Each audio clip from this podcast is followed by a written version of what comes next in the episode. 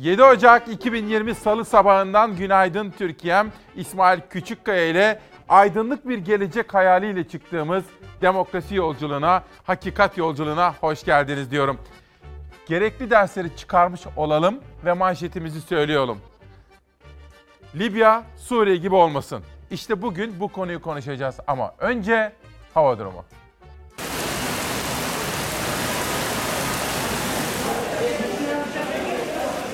Kuvvetli yağış Akdeniz'i yine etkisi altına aldı. Sadece Akdeniz'de değil, yurdun pek çok kesiminde kış koşulları keskinleşti. Meteoroloji Genel Müdürlüğü Mersin için kırmızı kod uyarısı verdi. Kırmızı kod uyarısı verilen Mersin'de gece saatlerinde hava koşulları can aldı. Erdemli ilçesine bağlı Çeşmeli köyünde bir baraka heyelan altında kaldı. İki gündür aralıksız süren yağışların sebep olduğu heyelanda evle birlikte içindeki 6 kişi de toprağa gömüldü. Ailenin 5 ferdi bir şekilde kendini kurtardı. 62 yaşındaki İbrahim Öngel ise kaldığı toprak yığını altında can verdi. Kırmızı kod uyarısı verildikten sonra ekipler riskli evleri, mevsimlik tarım işçilerinin kaldığı çadırları tahliye etmişti aslında. Tarsus ilçesinde çadırlarda kalan mevsimlik işçiler belediye araçlarıyla toplandı. Yine belediyeye ait spor salonuna getirildi. Sadece çadırda kalan işçiler değil, kırsalda sel ve taşkından etkilenme riski olan evlerde de tahliyeler vardı. Sabahtan beri aramadığımız yer kalmadı. Antalya'da da benzerdi manzara. Aşırı yağış ve fırtına kenti etkisi altına aldı. Gazipaşa ilçesinde kentin en merkezi noktasında biriken yağmur suyu esnafa zor anlar yaşattı. Manav olsun, eczane olsun, butik olsun, yan taraftaki market olsun. Çek çek. Hiçbir müdahale yapılmadı. Neredeyse yarım metre suyla dolan yoldan geçen araçlar yol kenarındaki dükkanların su basmasına sebep oldu. Yetkili bir merciye ulaşamadığını söyleyen vatandaş kendi önlemini kendi aldı. Belki 100 yeri aradık. Bir trafiği kesemediler. Kendi imkanlarımızla kestik. Görülmemiş bir şey. Allah çiftçilerimize kolaylık versin bugün. Sadece kent merkezlerinde değil kırsal kesimde de büyük mağduriyet yaşandı. Seralar suyla doldu, tarım arazilerini sel bastı. Serik ilçesinde mevsimlik tarım işçileri evlerinde mahsur kalınca devreye jandarma girdi.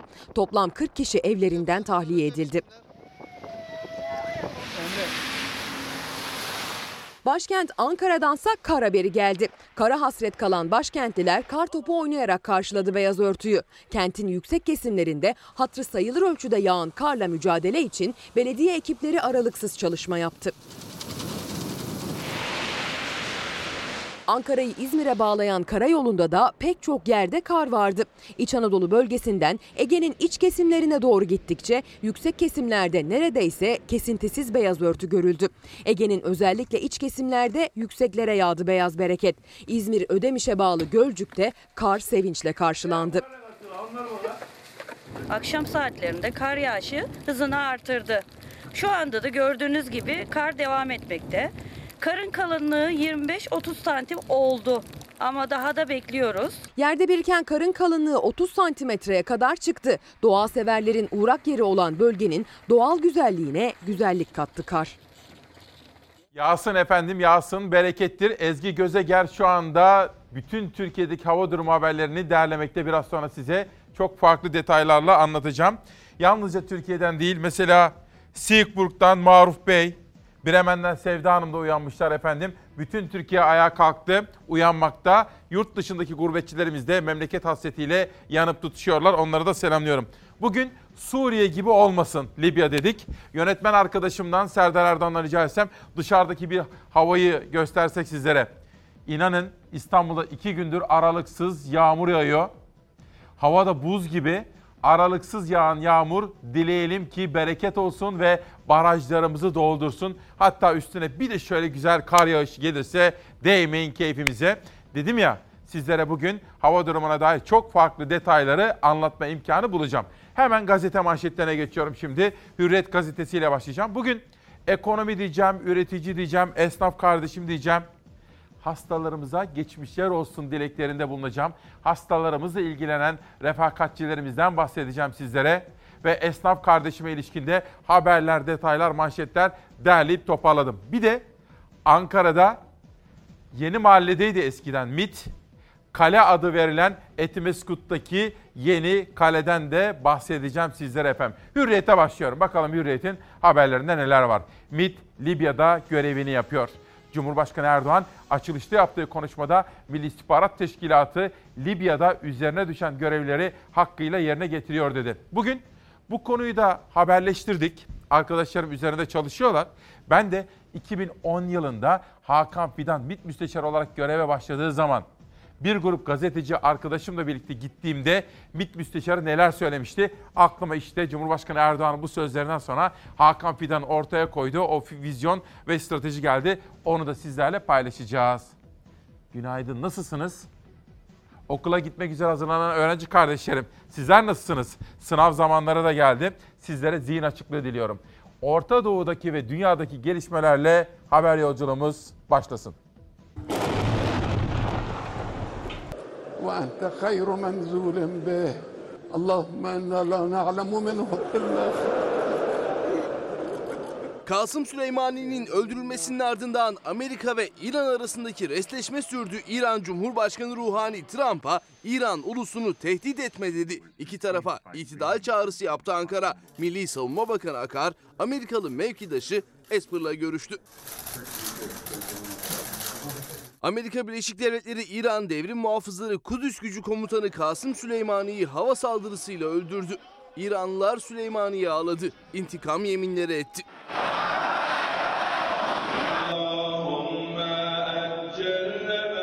Amerika Başkanı Trump İran'ı tehdit ederken Trump'a yanıt İran Cumhurbaşkanı Hasan Ruhani'den geldi. Ruhani sosyal medya hesabı üzerinden verdi mesajını. Amerikan Deniz Kuvvetleri tarafından 3 Temmuz 1988'de vurulan ve içinde 290 kişinin bulunduğu uçağı hatırlattı. 52 sayısına işaret edenlerin 290 sayısını düşünmeleri daha iyi olur. Hiçbir zaman büyük İran milletini tehdit etmeyin dedi.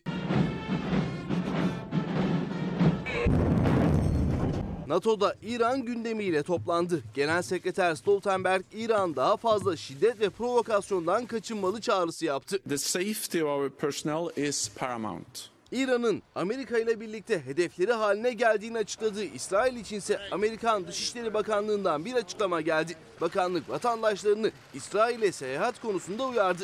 Roket atışları dahil güvenlik olaylarına karşı dikkatli olmaları uyarısında bulundu. Süleymani'nin öldürüldüğü Irak'ta da tansiyon yüksek. Irak Başbakanı Adil Abdülmehdi yaptığı yazılı açıklamayla ülke topraklarının hesaplaşma sahası olmasına izin vermeyeceğini söyledi. Türkiye ise hem Amerika hem İran'a itidal çağrısı yaptı. Ankara iki tarafla da görüşmelerini sürdürdü. Milli Savunma Bakanı Hulusi Akar, Amerikalı mevkidaşı Mark Esper'la telefonda görüştü. Görüşmede Irak'taki gelişmeler başta olmak üzere bölgede yaşanan gelişmeler konusunda iki bakan görüş alışverişinde bulundu.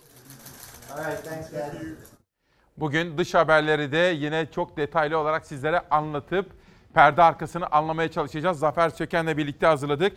Bu gelişmeleri de sizlere sunma imkanı bulacağım. Mustafa Şentekin karlı ve soğuk bir Ankara sabahından günaydın diyor ve Türkiye'mize iyi dileklerini sunuyor. Fatma Gülkan da bugünkü etiketimiz Libya, Suriye gibi olmasın dedik ya. Günaydın kardeşim. Libya'dan önce güzel ülkem Suriye gibi olmasın diyoruz. Çok fazla göç almadık mı diye soruyor Fatma Gülkan. İşte Uyanan Çalarsat ailesi de görüşleriyle burada kendisini gösteriyor. Hürriyet'ten bir taksici manşeti var. Sarı itiraflar. Uber'den kurtulduk diye sevinen sarı taksi esnafı vatandaş korsan taksiye koşunca şoka uğradı. Şimdi arda arda biz nerede hata yapıyoruz, neden ilk tercih değiliz tartışması başladı. Uber'de de hatalar yapılmıştı. Sonrasında hükümet Uber'i kovunca sistemden bu defa da korsan taksi patlamış ve Emre Eser böyle bir haber hazırlamış. Hürriyet gazetesi de bunu birinci sayfasına aktarmış. Ben ilk manşeti söyleyeyim. Mesela soğukta, yağışlı havalarda diyelim bir yerden çıktınız, taksiye bineceksiniz. Almıyorlar sizi. Bostancı, bostancı. Adam illa karşıya götürecek. Yakın mesafe, kısa mesafe almayacak. Taksici esnafının öncelikle hatalarından bir tanesi bu. İlk hatayı ben söyleyeyim. Sizlerin de var mı hatasınız efendim böyle gördünüz? Sizlerin de tanık olduğunuz taksicilerin hataları var mı? Bana lütfen onları da yazın. Hürriyet gazetesine döneceğim. Şimdilik Milliyet'e geçiyorum. Milliyet'te öğrenci kardeşlerim kazandı. İstanbul Üniversitesi öğrencinin haklı ve makul sesini duydu ve şu karda, kışta, bu zor zamanlarda hayat pahalılığının alıp başını gittiği bu kritik dönemde üniversite öğrencilerimizin sesi duyuldu ve yemeğe yapılan zam geri alındı. Milliyet gazetesinden okuyorum. Öğrenci kazandı. İstanbul Üniversitesi tepkiye neden olan yemekhane zammı ve kahvaltının kaldırılması kararını iptal etti. Bu son derece önemli. Diyelim ki bütün üniversiteler, rektörler, öğrencilerimizle ilgilenmesi gereken bütün belediye başkanlarımız bu konularda üzerine düşen adımları atsınlar efendim. Türkiye'nin gündemi Libya. Libya'nın doğusunda Halife Hafter komutasında sözde Libya ordusunun e, desteklediği bir takım güçler ve e, Abdullah el-Sen'in başkanlık ettiği hiçbir uluslararası meşruiyet, meşruiyeti olmayan geçiş hükümeti olarak adlandırılan bir yapı var. Bu gayrimeşru ve kendinden menkul bir yapı. Yani Libya Ulusal Ordusu olarak kendisini adlandırmış ama herhangi bir Birleşmiş Milletler tanımasına sahip değil. Burayla sivil ölümlere, buradaki yıkımlara karşı bir sorumluluğumuz var. Akdeniz'de ortak bir kaderi paylaşıyoruz. Ortak çıkarlarımız, ortak tarihimiz ve kuşkusuz ortak geleceğimiz olan bir ülkeden bahsediyoruz. Şimdi bakın bu bahsettikleri CHP sözcülerinin sahip çıktığı seküler bir kişi dediği bu Hafter'in Türkiye açısından değerlendirmesini neye göre yapacağız biz? Ki biz Türkiye'nin egemenlik haklarına, Akdeniz'deki haklarına, Libya ile ilişkilerine dönük olarak, Türkiye'nin milli çıkarlarına dönük olarak nasıl davrandığıyla bakacağız. Eğer Libya'daki bu bahsettiğim e, olumsuz gelişmeler gerçekleşirse o zaman Akdeniz'deki ve Kuzey Afrika'daki bütün çıkarlarımız, Türkiye'nin milli çıkarları olumsuz yönde etkilenecektir. Libya konusu hassas. O nedenle biz, biz İsmail Küçükkaya ile demokrasi meydanında bugün diyoruz ki Libya Suriye gibi olmasın. Hemen yanınızda çocuklarımız var ya okula gidecekler. Her şey onlar için. Onlar huzurlu ve güzel bir ülkede sakin sakin medeni bir hayatın içinde olsunlar diye. Peki AK Parti'nin başı bu sene dertte onu söyleyelim. Çünkü gerek Ali Babacan gerek Ahmet Davutoğlu geliyorlar ve onlar çok etkili bir muhalefet üslubu sergileyecekler öyle anlaşılıyor. Ali Babacan dün kendisini eleştiren faiz konusunda bir takım eleştiriler yönelten Cumhurbaşkanı Erdoğan'a yanıt verdi. Erdoğan'ın faiz suçlamasına yanıt. Bunu da sizlere ilerleyen bölümlerde anlatma imkanı bulacağım efendim. Biliyorsunuz Kanal D, CNN Türk ortak yayında Cumhurbaşkanı Erdoğan soruları yanıtlarken yeni kurulmakta olan partileri ve o partilerin yöneticilerini yani eski dava arkadaşlarını eleştirmişti Cumhurbaşkanı ve AK Parti lideri Erdoğan. Hürriyetle Milliyet'ten sözcüye geçelim. Yine gündemde Libya var efendim. Libya'ya çatışmaları durdurmaya gidiyoruz. Saygı Öztürk, Dışişleri Bakanı Mevlüt Çavuşoğlu'nun gazetelerin Ankara temsilcileriyle yaptığı basın toplantısına katılmış ve basın toplantısından sonra baş başa bir de fotoğraf çektirmiş. Dışişleri Bakanı Mehmetçiğin görevini açıkladı. Libya'ya çatışmaları durdurmaya gidiyoruz. Mevlüt Çavuşoğlu, Libya'daki öncelikli hedefin ateşkes sağlayarak siyasi süreci başlatmak olduğunu söyledi efendim. Bir selamda cezaevlerinde olup da sevdikleriyle kavuşmayı bekleyenlere olsun. Onlara da buradan selamlıyoruz diyelim. Bugünkü manşetimizi tekrar ederek az evvel iktidarı dinlemiştik. İktidarın sözcüsünü sıra geldi muhalefete, muhalefetin sözcüsü. Ama bugünkü manşetimizi tekrar etmek istiyorum. Libya, Suriye gibi olmasın. 2010'larda Mehmetçiğimizi Suriye'ye süren Erdoğan, 2020'ye girerken bu defa Mehmetçiğimizi Libya çöllerindeki ateşin içine fizana sürüyor. Dün öğrendik ki askerlerimiz peyderpey Libya'ya gitmeye başlamış. Türkiye'nin Doğu Akdeniz'de ekonomik olarak, siyasi olarak yalnızlaştırılmasını doğru bulmadığımızı söylemiştik. Bu çerçevede Libya ile imzalanan münhasır ekonomik bölge anlaşmasını gecikmiş ama doğru bir adım olarak gördüğümüzü de ifade etmiştik. Desteklemiştik. Ama dün Erdoğan çıktı, münhasır ekonomik bölge anlaşmasıyla Libya'ya asker gönderme tezkeresini bir tuttu. Doğu Akdeniz'de varlık gösterebilmek için Libya'ya asker göndermemiz gerekiyormuş. Dün Erdoğan'ın Gazi Mustafa Kemal Atatürk'ün Libya'daki kahramanlıklarının ardına sığınmasını ve bize tarih dersi vermesini gülümseyerek izledik. Kahraman bir subay olarak Atatürk o gün kendi vatan toprağını savunuyordu. Bugün Libya artık bizim vatan toprağımız değil.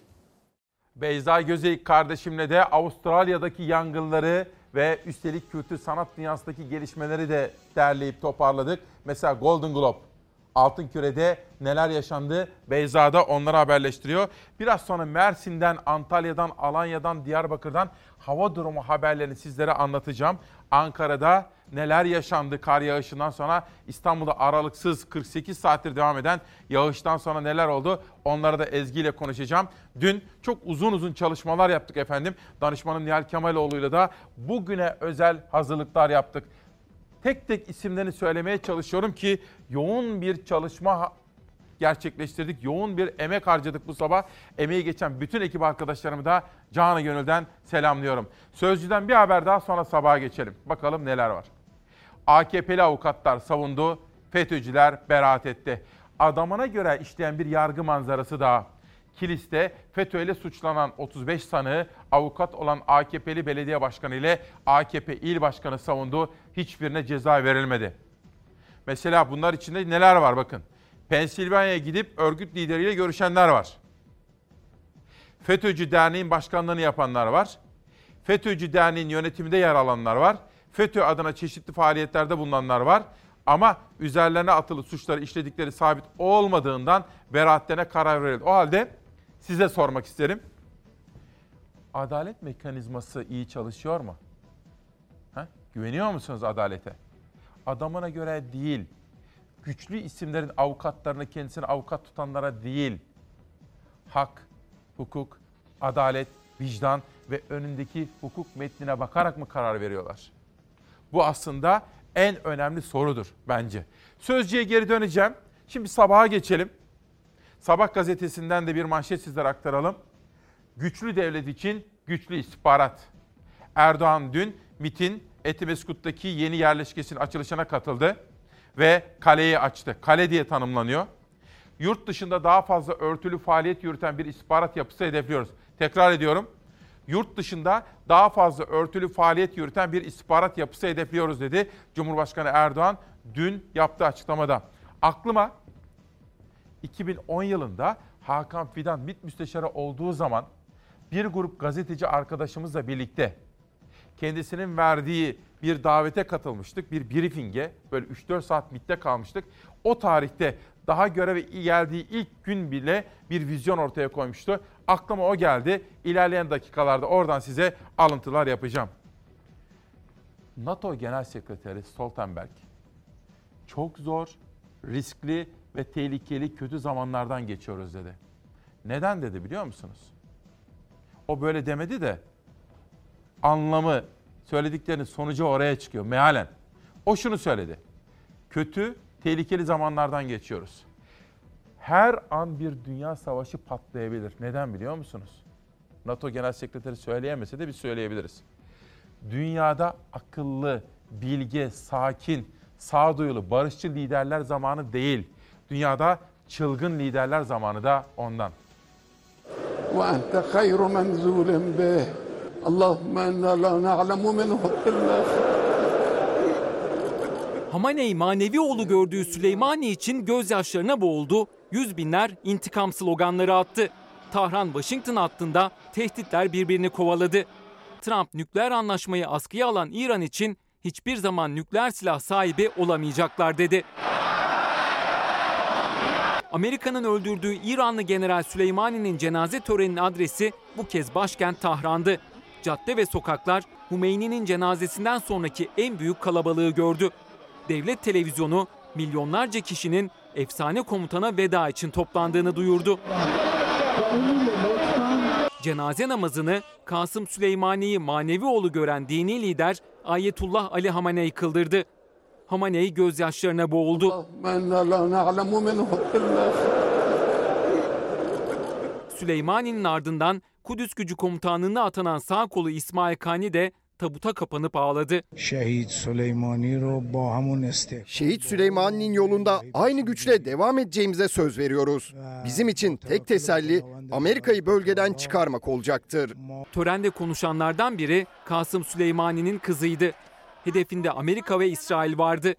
Orta Doğu'daki Amerika askerlerinin aileleri günlerini çocuklarının ölümünü beklemekle geçirecek tehdidini savurdu.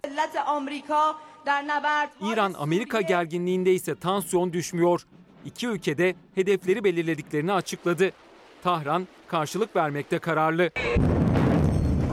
Başkan Trump bize doğrudan saldırdı. Biz aynı şekilde karşılık vereceğiz. Bu süreci sona erdirecek tek şey bize vurdukları darbeye denk bir darbe almaları. İran'ın herhangi bir ABD personeline veya hedefine saldırması halinde ABD hızlı ve bütünüyle karşılık verecektir. Hatta belki oransız bir ölçüde karşılık verecektir. Nükleer anlaşmayı askıya aldıklarını duyuran İran, Trump'a yanıt verdi. Amerika'nın cevap vermesi durumunda hedef İsrail dedi. Amerika Başkanı Trump ise İran'la birlikte Irak'ı da hedefe koydu. Amerikan askerlerini ülkeden çıkarma kararı alan Bağdat'ı yaptırımla tehdit etti.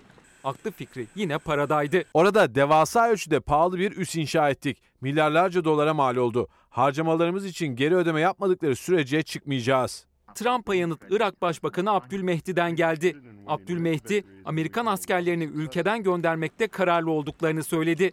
Mecliste alınan kararın ardından yasal adımları ve prosedürleri hazırlama aşamasında olduklarını belirtti. İşte bugün ekonomi, üretici, Libya, Suriye, Amerika ile İran arasındaki gerginlik ve NATO'daki yansımaları ve Ankara'nın yapması gerekenler bütün bunları konuşacağız. Bahar Hanım diyor ki biraz evvel es geçtiniz diyor Ali Babacan Cumhurbaşkanı'na neler söyledi diyor. Ali Babacan Cumhurbaşkanı'nın faiz konusundaki eleştirilerini yanıtlarken dedi ki son iki yılda Türkiye'nin ödediği faiz %144 arttı.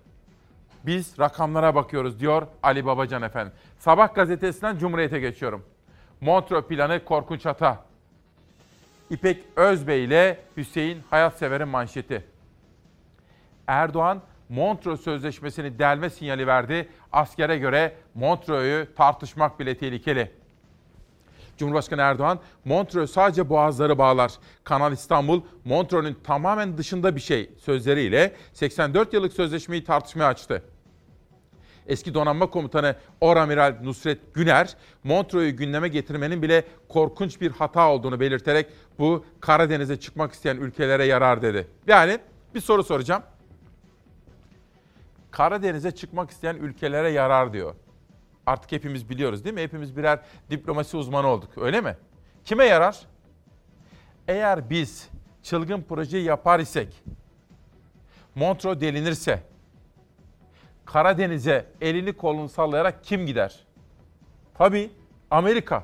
Çünkü Amerikan donanmasının şu anda giriş yapamadığı, yani elini kolunu sallayarak giriş yapamadığı tek yer Karadeniz. Montreux onu da kısıtlıyor çünkü. Bu günün anlamlı. Hatta önemli sözlerinden bir tanesi bir emekli general bu konuda Cumhuriyet Gazetesi'ne tam sayfa yazı yazmış. Sizlere oradan bir alıntı yapacağım. Ama önce gelin sizi sınırlarımızın ötesine götüreyim.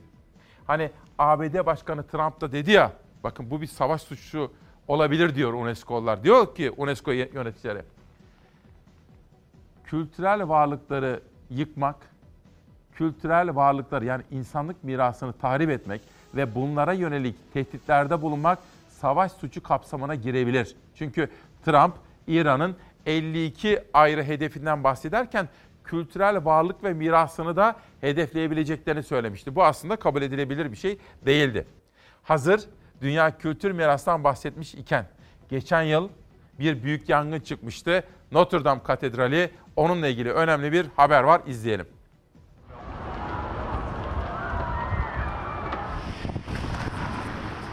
Tarihi katedral hala tehlikede. 15 Nisan'da yanan Paris'in simgesi Notre Dame'ı kurtarma çalışmaları devam ediyor. Cumhurbaşkanı Emmanuel Macron tarafından katedralin tadilatı için atanan General Jean-Louis Georgel'in tarihi yapının henüz kurtarılamadığını açıkladı.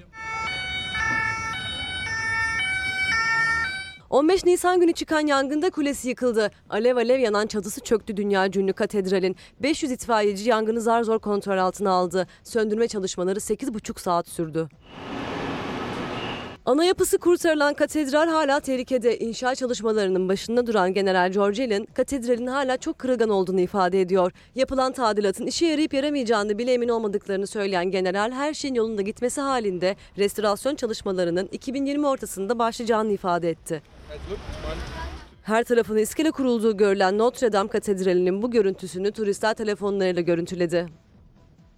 Hani sizlerden bu senenin başında bu bizim İsmail Küçükkaya ile Çalar Saat'in 7. yılı ya sizlerden gelen yorumlara şöyle bir baktığımız zaman daha fazla dış dünya haberi de verelim şeklindeki sözler görmüştük. Bakın bir emekli general adı Ahmet Yavuz Libya ve riskler konulu bir yazı kaleme almış ve hükümetin dış politika hatalarından da bahsediyor. Cumhuriyet Gazetesi adına bugün bir yazı yazmış ve Libya'dan herkesin pay kapmaya çalıştığını söylüyor petrol ve doğalgaz ve Türkiye'nin de burada pay kapma yarışında olduğunu belirtiyor. Dün Cumhurbaşkanı Erdoğan da televizyonda böyle bir açıklama yapmıştı. Demişti ki Türkiye'nin petrol ve doğalgaza da ihtiyacı var şeklinde bir açıklama yapmıştı.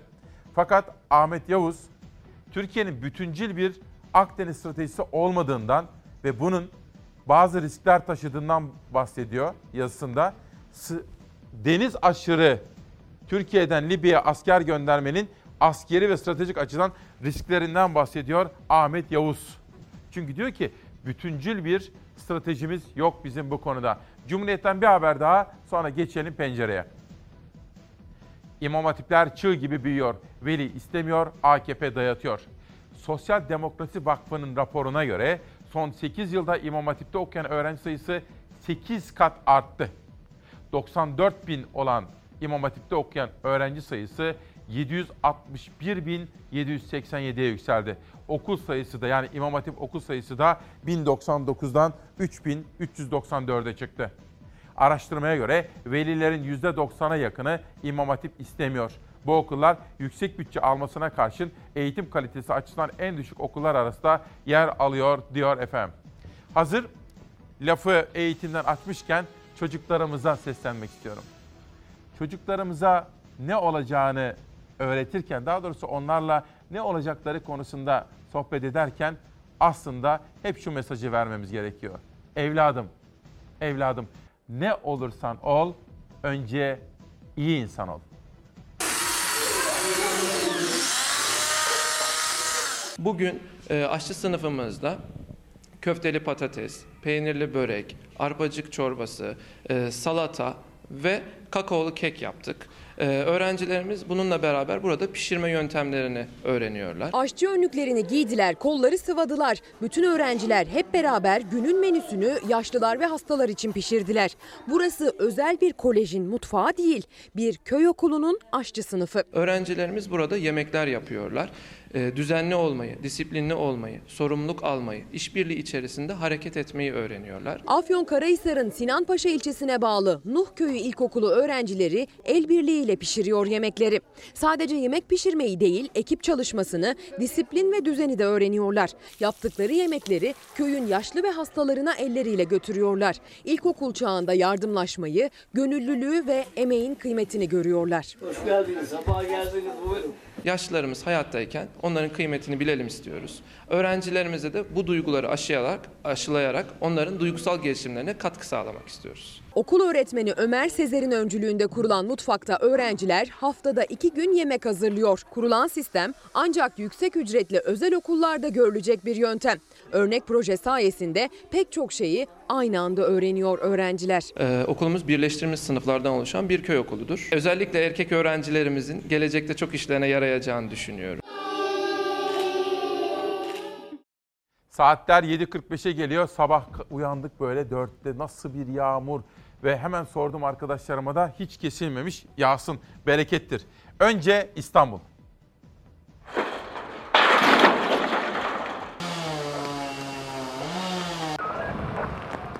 Çatılar uçtu, ağaçlar devrildi, hayat durma noktasına geldi. Mega kentte etkili olan sağanak ve fırtına uçurdu, devirdi, su baskınlarına sebep oldu. İstanbul'da aralıksız yağan yağmur zaman zaman şiddetini artırdı. Fırtına mega kenti resmen savurdu. Gece saatlerinde itfaiye ve belediye ekipleri çatı mesaisindeydi. Pek çok noktadan çatı uçması haberi geldi. Eşim mutfaktaydı. Ben içerideydim. Bomba patladı zannettim ilk önce. Çok korktum. Çocuklar 15 dakika arayla kurtuldular yani. Ben mutfağa girince anladık böyle bir şey olduğunu. O sesten biz şimşek düştü. Kimisi yıldırım düştü sandı, kimisi bomba patladığını düşündü. Gece saatlerinde İstanbul'un hemen hemen tüm çatıları fırtınayla sınav verdi. Çekmeköy'de merkez mahallesinden bir apartmanın çatısı fırtınayla uçtu, karşı apartmana çarptı. Saat 18 sularında yaşanan olayda can kaybı ya da yaralanma olmaması mucize gibi bir şeydi. Karşı komşunun binasının çatısı uçup gelip bizim binaya vurmuş. Bizim binada mutfak camları kırık. Yani bayağı bir hasar var. Montolamayı zedelemiş. Balkonları de, merdivenlerini kırmış. Mutfakta oturuyordum. Bütün kerestelerin içeri girdiğini gördüm. Dedim herhalde doğal gaz patlaması oldu. Gece saatlerinde ise Balat'tan bir göçük haberi geldi. Metruk bina sağanak yağmur ve fırtınanın yarattığı tahribata daha fazla dayanamadı. Bitişiğindeki binanın üzerine devrildi. Bir sandık herhalde yani bir yerden hep savaş var. Evin içerisinde herhalde birisi dedik çatı katına şey bomba attı. Ve yukarı çıkarak baktık ki binanın o bir buçuk katı olduğu gibi hep benim şunun üzerinde. Büyük bir gürültüyle yataklarından fırlayan vatandaşların yüreği ağzına geldi. Neyse ki kimsenin canı yanmadı, facianın eşiğinden dönüldü. Ekiplerin bir diğer mesaisi ise devrilen ağaçlardı dün bütün gün. Günden geceye çok sayıda ağaç fırtına nedeniyle devrildi İstanbul'da. Kadıköy'de park halindeki aracın üzerine devrilen tonlarca ağırlıktaki ağacı kaldırma çalışmaları saatler sürdü. Ulaşımı da durma noktasına getirdi hava koşulları. Sabiha Gökçen ve İstanbul havalimanlarında uçaklar iniş yapmakta zorlandı. Pisti defalarca pas geçmek zorunda kaldılar. Kara ulaşımında da yoğunluk %80'e çıktı. Akşam işlerinden çıkıp evlerine gitmek için yola düşen İstanbullular saatlerce trafikte kaldı. Evet, ekip arkadaşlarımdan kardeşim Ezgi Gözeger'i davet ettik. Şimdi Ezgi hoş geldin. Hoş bulduk İsmail Ezgi Küçükkaya. durmadan yağıyor maşallah, bereket yağsın. Maşallah, maşallah. Aslında biraz tahribat bıraktı ama asıl tahribat bırakan İstanbul özelinde haberde de izledik fırtına oldu. Küçük su baskınları yaşansa da aslında İstanbul'un çok ihtiyacı olan bir yağmurdan söz ediyoruz. Ee, ve iki gündür aralıksız bazen kuvvetlenip bazen kuvvetini azaltarak sürekli yağan bir yağmur var. Dışarıyı da görelim. Görelim dışarıyı. Ezgi Şu anda da hala dinlerken. devam ediyor. Sadece fırtına ile birlikte etkili olması e, yolda yürümeye kadar günlük hayatı zorlaştırdığı için İstanbul'da aslında hemen trafik tıkanıyor. İşte e, hava ulaşımı aksıyor, deniz ulaşımı aksıyor. Hatta kara ulaşımı bile Altyapı aksıyor. fakiriyiz ya ondan. Maalesef öyle Uzun planlanmadan. yıllardır ihmal edildi. Ve uzun yıllar e, planlanarak yapılması gereken işler bizde 3-5 Ezgi, yıl İstanbul'da planlanarak o yapılıyor. kadar ağaçlar devrildi, çatılar uçtu. Gece saatlerinde belediye ekipleri, itfaiye ekipleri resmen çatı uçması ve ağaç devrilmesi mesaisindeydi. Yani aslında önceden riskler azaltılabilir ya da ne bileyim çatıyı yapan insanın denetlenmesi belki de durumun önüne geçebilir. Haberde de söyledik İstanbul'un çatıları fırtına sınavı verdi. Nasıl altyapı yağmurda sağanakta sınav veriyor, fırtına sınavını da çatılar Aklıma veriyor. geliyor. Şimdi İzmir'e bile kar yağdı. Ankara Aynen. karlar altında. Aynen. İstanbul'a kar ne zaman gelecek? Yani aslına bakarsanız ufukta İstanbul'a kar görünmüyor. Artık İstanbul'a kar yağma ihtimali daha da azalıyor. Neden? Neden, diye soracak Neden? olursanız bir iklim krizi içerisindeyiz. Ee, İstanbul'un oluşturduğu bir ısı adasından söz ediyoruz. Zaten dikkat ederseniz Azaldı. yağdığı zaman da çevresine yağıyor. Ha. Yani merkezdeki o ısı adasının etkisi e, yerden işte gökyüzünden yere doğru yaklaşan kar tanesini suya çeviriyor. Çünkü işte bacalardan sürekli İklim dumanlar bozuldu. tütüyor, evleri ısıtıyoruz, fabrikaları çalıştırıyoruz. Arabanın lastiğinin asfaltta giderken yarattığı bir ısı bile var. Düşünün ki yüz binlerce araç var İstanbul'da. Şimdi annem diyor ki ben de bir süredir, bir, bir haftadır yılbaşı için Selamlar. Davet etmiştim. Diyor ki burası Ankara gibi diyor, ayaz olmaya başladı diyor. Soğuk evet. Ankara böyleydi eskiden. Yani şöyle İstanbul daha önce bu kadar soğuğunu yaşamıyordu desek e, yalan olur. Ama yaşadığımız iklim krizinin en önemli özelliği ekstrem hava koşullarının, Aşırı. sıra dışı hava Hmm, koşullarının sıra dışı, e, s- sayısının, şiddetinin ve sıklığının artması. Şimdi İstanbul'dan gelelim yurt geneline. Sen bu konuda da özel hazırlıklar İsmail yaptın. Küçükkaya barajları görelim mi? Çünkü Görelim. bu işin bir de güzel tarafı evet, var. barajlar doldu mu? Bakalım. Son 15 günde %33'ten %39.31'e kadar yükseldi. İstanbul barajlarının Maşallah. ortalaması mesela Elmalı'da %70'in üzerinde. Bu ortalaması ama geçen yıla kıyasla baktığımızda bir diğer grafikte e, geçen yıl bugün %86 olan baraj doluluk oranı şu an sadece %40 seviyesinde. %40 bile değil. Ama ocağın daha Yani- başındayız. Belki de daha ya tabii yağacak ki çok inşallah. daha iyi olacaktır ama Peki. geçen sene aynı gün 86'ymış. Peki. Yurdun geneline hava durumuna bakalım. Sonra neler yaşayacağız? Mesela Alanya'dan çok kötü Gazi fotoğraflar. Paşa, Alanya, Manavgat çok Mersin. kötü. Ha? Çok bir kötü. izleyelim. İzleyelim.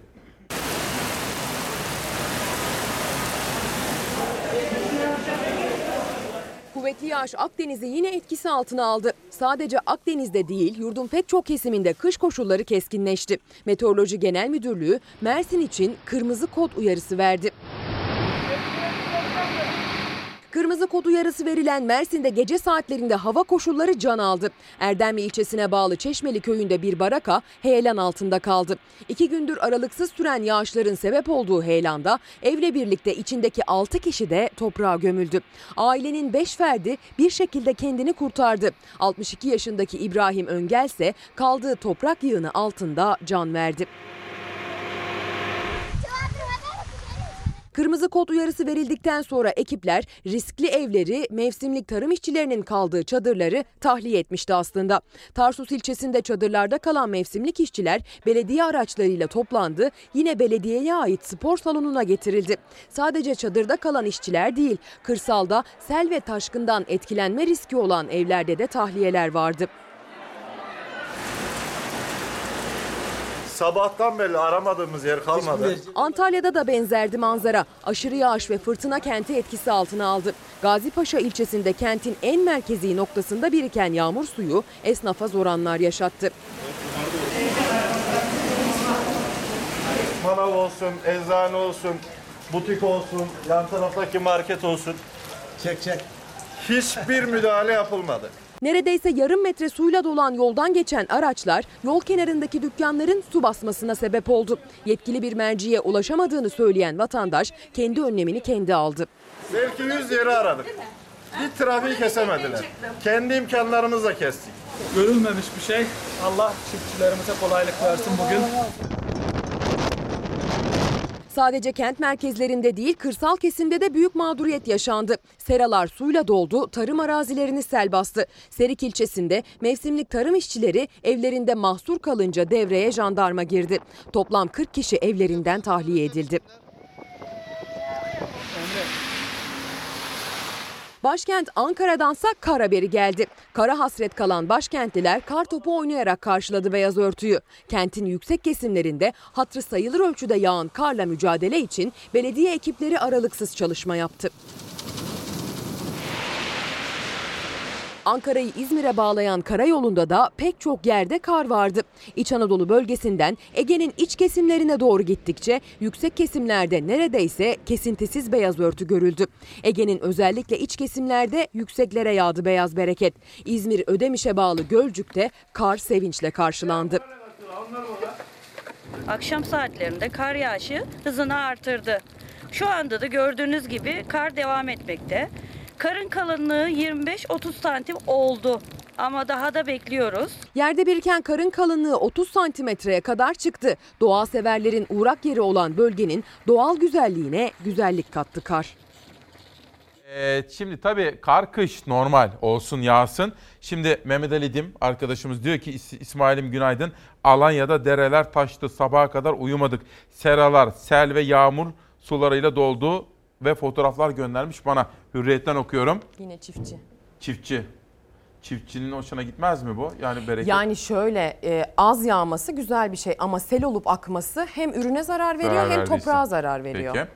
Yoğun yağış ve şiddetli fırtına ülkenin birçok bölgesi hayatı felç etti.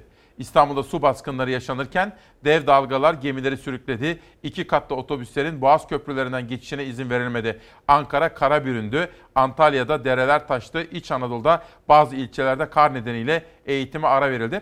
Arkadaşlarımız düzenli olarak altyazıda tatil olan yerleri yazıyorlar. Kütahya'nın ilçeleri var şimdi Kütahya'nın bildiğim ilçeleri kadarıyla. var. Sivas'ta Eskişehir, ilçeler var. Evet. Akhisar mesela, Aynen, Akhisar'da. aynen. N- hava durumu biraz daha detaylı konuşalım. Tabii ki detaylı konuşalım. İsmail Küçükkaya yine çiftçiden bahsedelim istersen. Tamam. Çünkü Mersin'de de bir kırmızı kod vardı. Antalya'dan bahsettiğimiz zaman Alanya, Gazipaşa, e, Manavgat dediğimiz zaman sera demek, çiftçilik Tabii, demek, tabii. ürün üretim demek. İşte onlar aslında sevinmeleri gereken bir yağışı karşılarken o yağış onların felaketine dönüşebiliyor böyle durumlarda.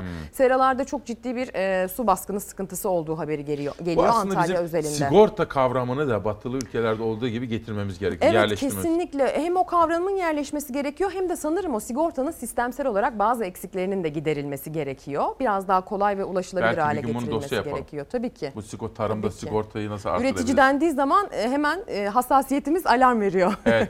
Efendim 7 Ocak 2020 günlerden salı İsmail Küçükkaya ile Demokrasi Meydanı'nda Ezgi Gözeger'le hava durumuna biraz daha yakından bakıyoruz. Manşetimizi tekrar etmek istiyorum. Umalım ki gereken dersleri çıkarmış olalım ve Libya Suriye gibi olmasın. Manşetimiz bu hava durumu.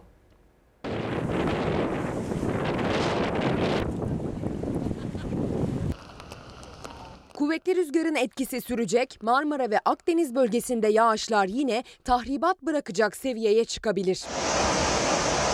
Kırmızı kod uyarısı verilecek kadar risk arttı. Akdeniz bölgesinde kriz masası kurdu yetkililer. Bugün yurdun hemen hemen tüm kesimlerinde yağış var. Marmara ve Akdeniz'de ise yine risk yüksek. Akdeniz genelinde Antalya, Mersin, Adana, Hatay ve Kahramanmaraş'ta kuvvetli sağanak yağış geçişleri görülebilir bugün yine. Yağışla birlikte rüzgar da yine kuvvetli olacak. Güneyli yönlerden nispeten ılık esen rüzgar bacalarda geri tepmeye neden olabilir. Şofben ve soba kullanımına çok dikkat edilmeli. Bir yandan kuvvetli yağış, diğer yandan fırtına hayatı yine zorlaştıracak Akdeniz'de. Marmara bölgesinde de özellikle bölgenin doğusunda kuvvetli sağanaklar bugün öğle saatlerine kadar devam edecek. İstanbul ve çevresindeki illerde Bursa, Balıkesir çevrelerinde sağanaklara dikkat. Öte yandan rüzgar da yine kuvvetli olacak. Marmara'da ve Ege'de fırtına seviyesine çıkması beklenen rüzgar yine günlük hayatı aksatabilir. Şehir hatları seferlerinde yine iptaller yaşanabilir. İDO planlanan pek çok seferini iptal ettiğini duyurdu. Budo da neredeyse tüm seferlerini iptal ettiğini ilan etti. Benzer şekilde Gestaş'ta Çanakkale, Bozcaada ve Gökçeada arası seferlerin tamamını iptal etti bugün. Denizlerde bugün yine ulaşım neredeyse duracak. Sadece deniz değil, kara ulaşımını da aksatıyor fırtına. İstanbul'da çift katlı otobüslerin 15 Temmuz Şehitler Köprüsü'nden geçmesi ikinci bir talimata kadar durduruldu. Bugün İç Anadolu'nun yüksek kesimlerinde, Ege'nin iç ve yükseklerinde ve doğu bölgelerde kar yağışı devam edecek. Sıcaklıklarda dünden bugüne önemli bir değişiklik beklenmiyor. Ancak kışın soğuk havası bugün de keskinliğini koruyacak gibi görünüyor. Soğuk algınlığına karşı uygun giyinmek önemli. Ancak rüzgarın kuvvetli olduğu bölgelerde şemsiye kullanmak riskli. Peki iptal edilen seferler var. Ezgi'ye soracağım ama önce Uyanan Çalarsat ailesine birkaç mesaj okuyalım. Nevin Dalia Özşeker, bakıyorum Avrupa ülkelerine, İskandinav ülkelerine ne güzel sakin ve huzur içinde yaşıyorlar. Kar yağsa, yağmur yağsa da diyor. Gamze Öz Sırkıntı, Adana'da hava çok fena. Neden okullar tatil olmadı diye soruyor. Mehmet Ali Çevik, İsmail abi Ankara'da kar ve buzlanma var diyor. Ezgi. Adana için hemen uyarıyı tekrar Evet. edebilir miyim? Ee, bugün yine e, Akdeniz özelinde bir kırmızı kod uyarısı verecek kadar olmasa da bir sağanak yağış Ne ve fırtına ihtimali kod? var. Ne demek? Şimdi Meteoroloji Genel Müdürlüğü bu yılın başından itibaren, geçtiğimiz yılın başından itibaren artık e, bir renklendirme sistemine gitti. Yani kırmızı dendiği zaman tehlike, turuncu dendiği zaman aman dikkat hani biraz tehlikeliye yakın gibi aslında anlaşılması kolay olsun diye yeni bir sisteme geçti. Tamam. E, aslında bu sistem Avrupa'da, Amerika'da çok uzun yıllardır kullanılan bir sistem. Peki iptal edilen e, Seferler. seferler. Ee, Marmara Denizi'nde ulaşım neredeyse durdu. Yani dolayısıyla bugün şehir hatlarını, e, İDO'yu, BUDO'yu kullanacaksanız muhakkak her, artık hepimizin elinde bir akıllı telefon var. E, kontrol etmek lazım. BUDO tüm seferlerini iptal etti. İDO neredeyse tüm seferlerini iptal etti. Şehir hatlarında da bugün yine iptaller olabilir. Düne göre rüzgar bugün İstanbul'da ya da Marmara Denizi genelinde biraz daha hafif olacak ama yine de e, tedbirli olmayı gerektirecek kadar Peki. e, sert bir rüzgar bekleniyor. Gestaş'ta da iptaller var. Peki Çanakkale'de. bütün bunları aktaralım. Bir de İstanbul'da bir Rus gemisi. Bugünlerde gemilerin boğaz geçişi ayrı bir serüven. Baba baba arkadan rom- römork girdi. Mürettebat kafayı yemiş durumda. Abi bildiğin Rus savaş gemisi ya. İstanbul Boğazı'nda tehlikeli bir hareketlilik yaşandı. Rus savaş gemisi Marshal Ustinov aniden sürüklenmeye başladı. Kıyıya çarpmak üzereyken römorkorların müdahalesiyle durduruldu. Of of of sürükleniyor abi. Füzelere bak. Aa ikişerliymiş 8 füze var. Yanda da 8. İstanbul'daki şiddetli fırtına nedeniyle Boğaz'a girmek isteyen Rus savaş gemisi alarm verdi. Çünkü Sarayburnu'na doğru sürükleniyordu. Gemi ancak römorkorların yardımıyla açığa doğru çekilebildi. Şu anda da Kadıköy Moda açıklarında fırtınanın dinmesini bekliyor. Yaklaşık 200 metre uzunluğundaki gemi 5 Ocak'ta öğle saatlerinde göründü İstanbul Boğazı girişinde. Çarşamba günü İstanbul'a gelecek Rusya Devlet Başkanı Putin'e eşlik etmek için Boğaz'daydı. Açıkta beklerken bu sabah kıyıya doğru sürüklenmeye başladı. Önce Kabataş'a doğru oradan da Boğaz çıkışına. Gemi kıyıya yaklaştıkça tehlike de arttı. Askeri gemide yelekleri giymişler abi. Çapa atıyor aynen. Dakikalarca sürüklenen gemi kıyıya çarpmak üzereyken römorkorların desteğiyle yönünü değiştirdi. Sonra da yeniden açığa doğru çekildi. Moda açıklarında bekliyor. Ancak donanımlı bir savaş gemisi nasıl sürüklendi? Boğaz'da böyle bir tehlike nasıl ortaya çıktı? Görenleri şaşırttı. Mesajlarınız geliyor. Selçuk Bey bir şeyler söylemiş ama tabii aklınıza neler geldiğini biliyorum buradan okuyorum ama her şeyi her an söyleyebilecek durumda değiliz. Ezgi şimdi İstanbul'dan yoğun mesajlar geliyor, sorular geliyor. İstanbul'da trafik dün felçti. Evet. %80'lere ulaşmıştı. Bugün de öyle. Bugün de öyle. İsta- sorum şu.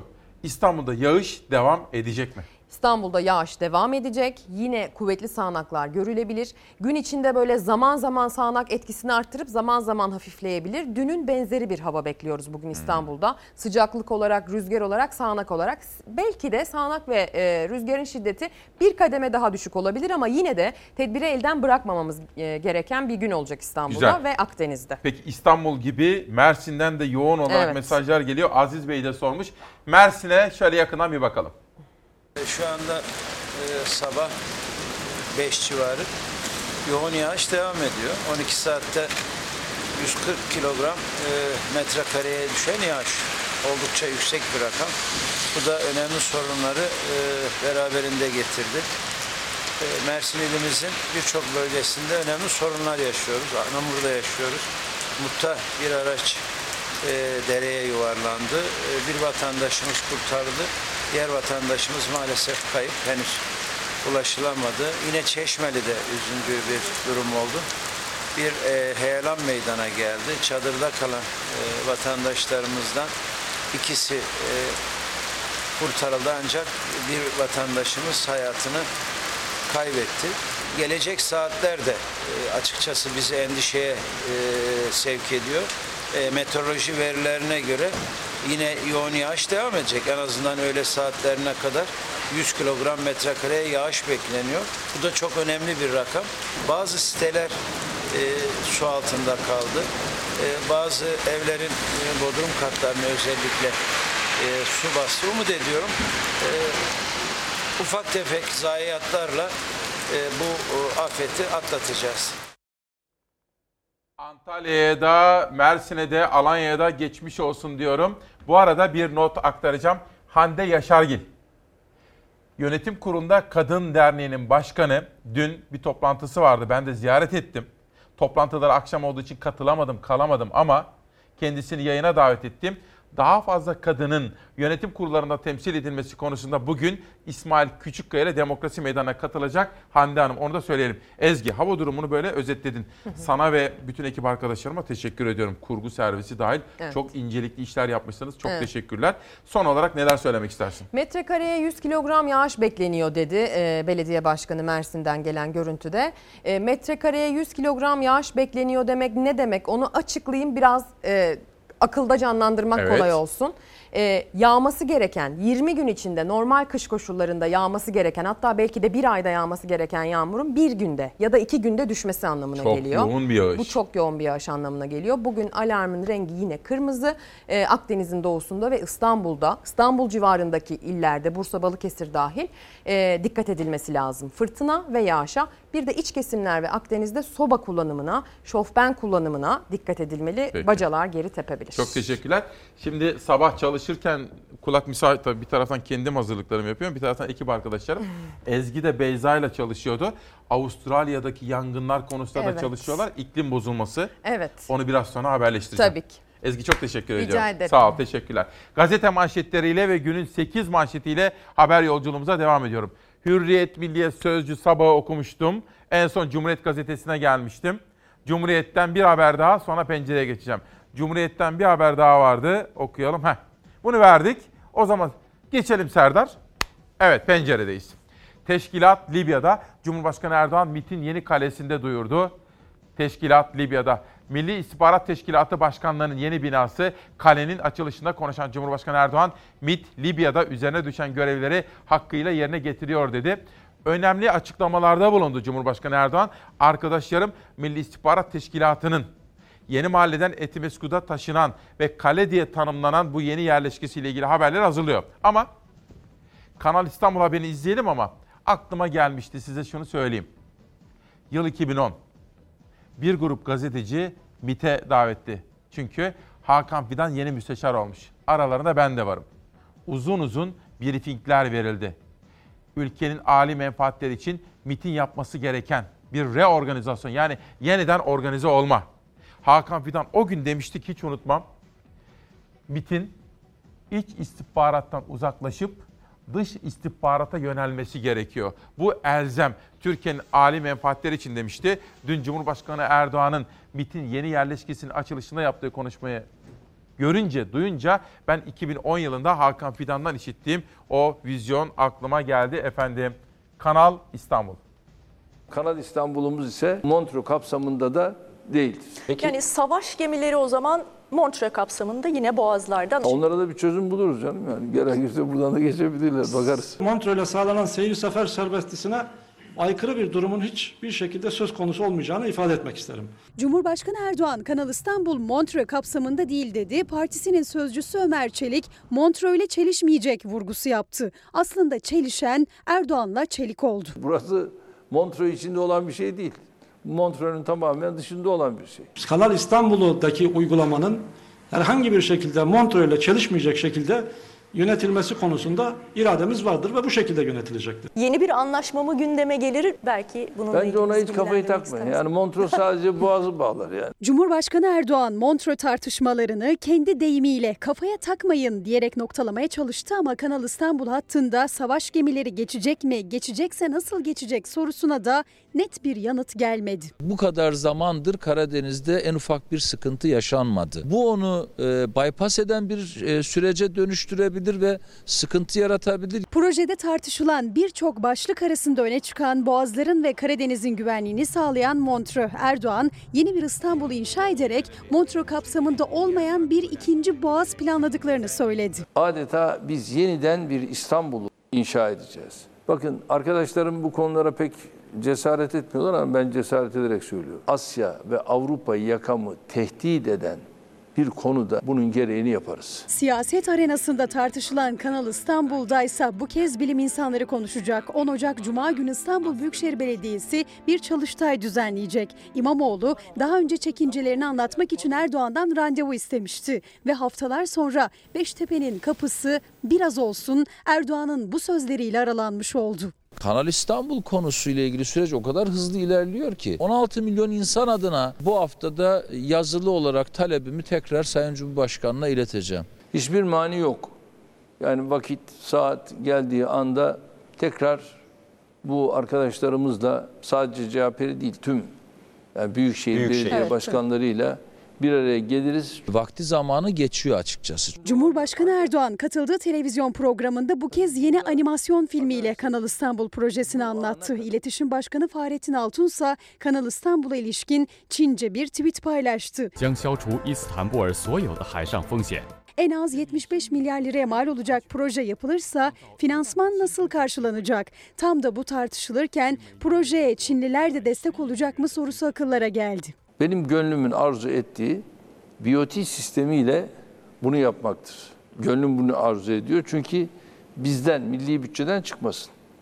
Ha, bulduk bulduk, bulamadığımız takdirde milli bütçeden. Finansman modeli e, tartışmasını bile yanlış buluyorum. Çünkü Türkiye'nin zaten bir finansman sorunu var. Kanal İstanbul projesi ben yaptım oldu projesi olamaz. Bu arada danışmanımdan Nihal Kemaloğlu'ndan bir bilgi geldi efendim bakın. Patates ve kuru soğanın yurt dışına çıkışına, yurt dışına satışına kısıtlama getirildi. Hem T24'te hem de Sputnik'te bir dakika önce manşet olmuş. Tekrar ediyorum. Son dakika yazarım hatta Serdar bunu. Patates ve kuru soğanın yurt dışına ihracatına kısıtlama getirildi. Fiyatlarla ilgili bir bence arayış olabilir diyorum. Arkadaşlarım takip etmiş etsinler. Şahin Bey hani ben eleştiriye açığım ya ama eleştiri değil bu. Hakaret ediyor düpedüz. Fatih kardeşime ve beni bana hakaret ediyor. Dolayısıyla onun ne soyadını okuyacağım ne de mesajını okuyacağım. Şerife Hanım, oğlum evladım sen söyle doğru mu bu Kanal İstanbul? Bence değil. Bir kere zamanlama yanlış. Şerife anne, zamanlama yanlış. Ekonomik kriz ve daralma zamanlarındayız. Var mı bizim 75 milyarımız? Fabrikalar kuralım varsa. Sonra bizim haberimiz yok. Arap ülkelerinde reklamlar dönüyor.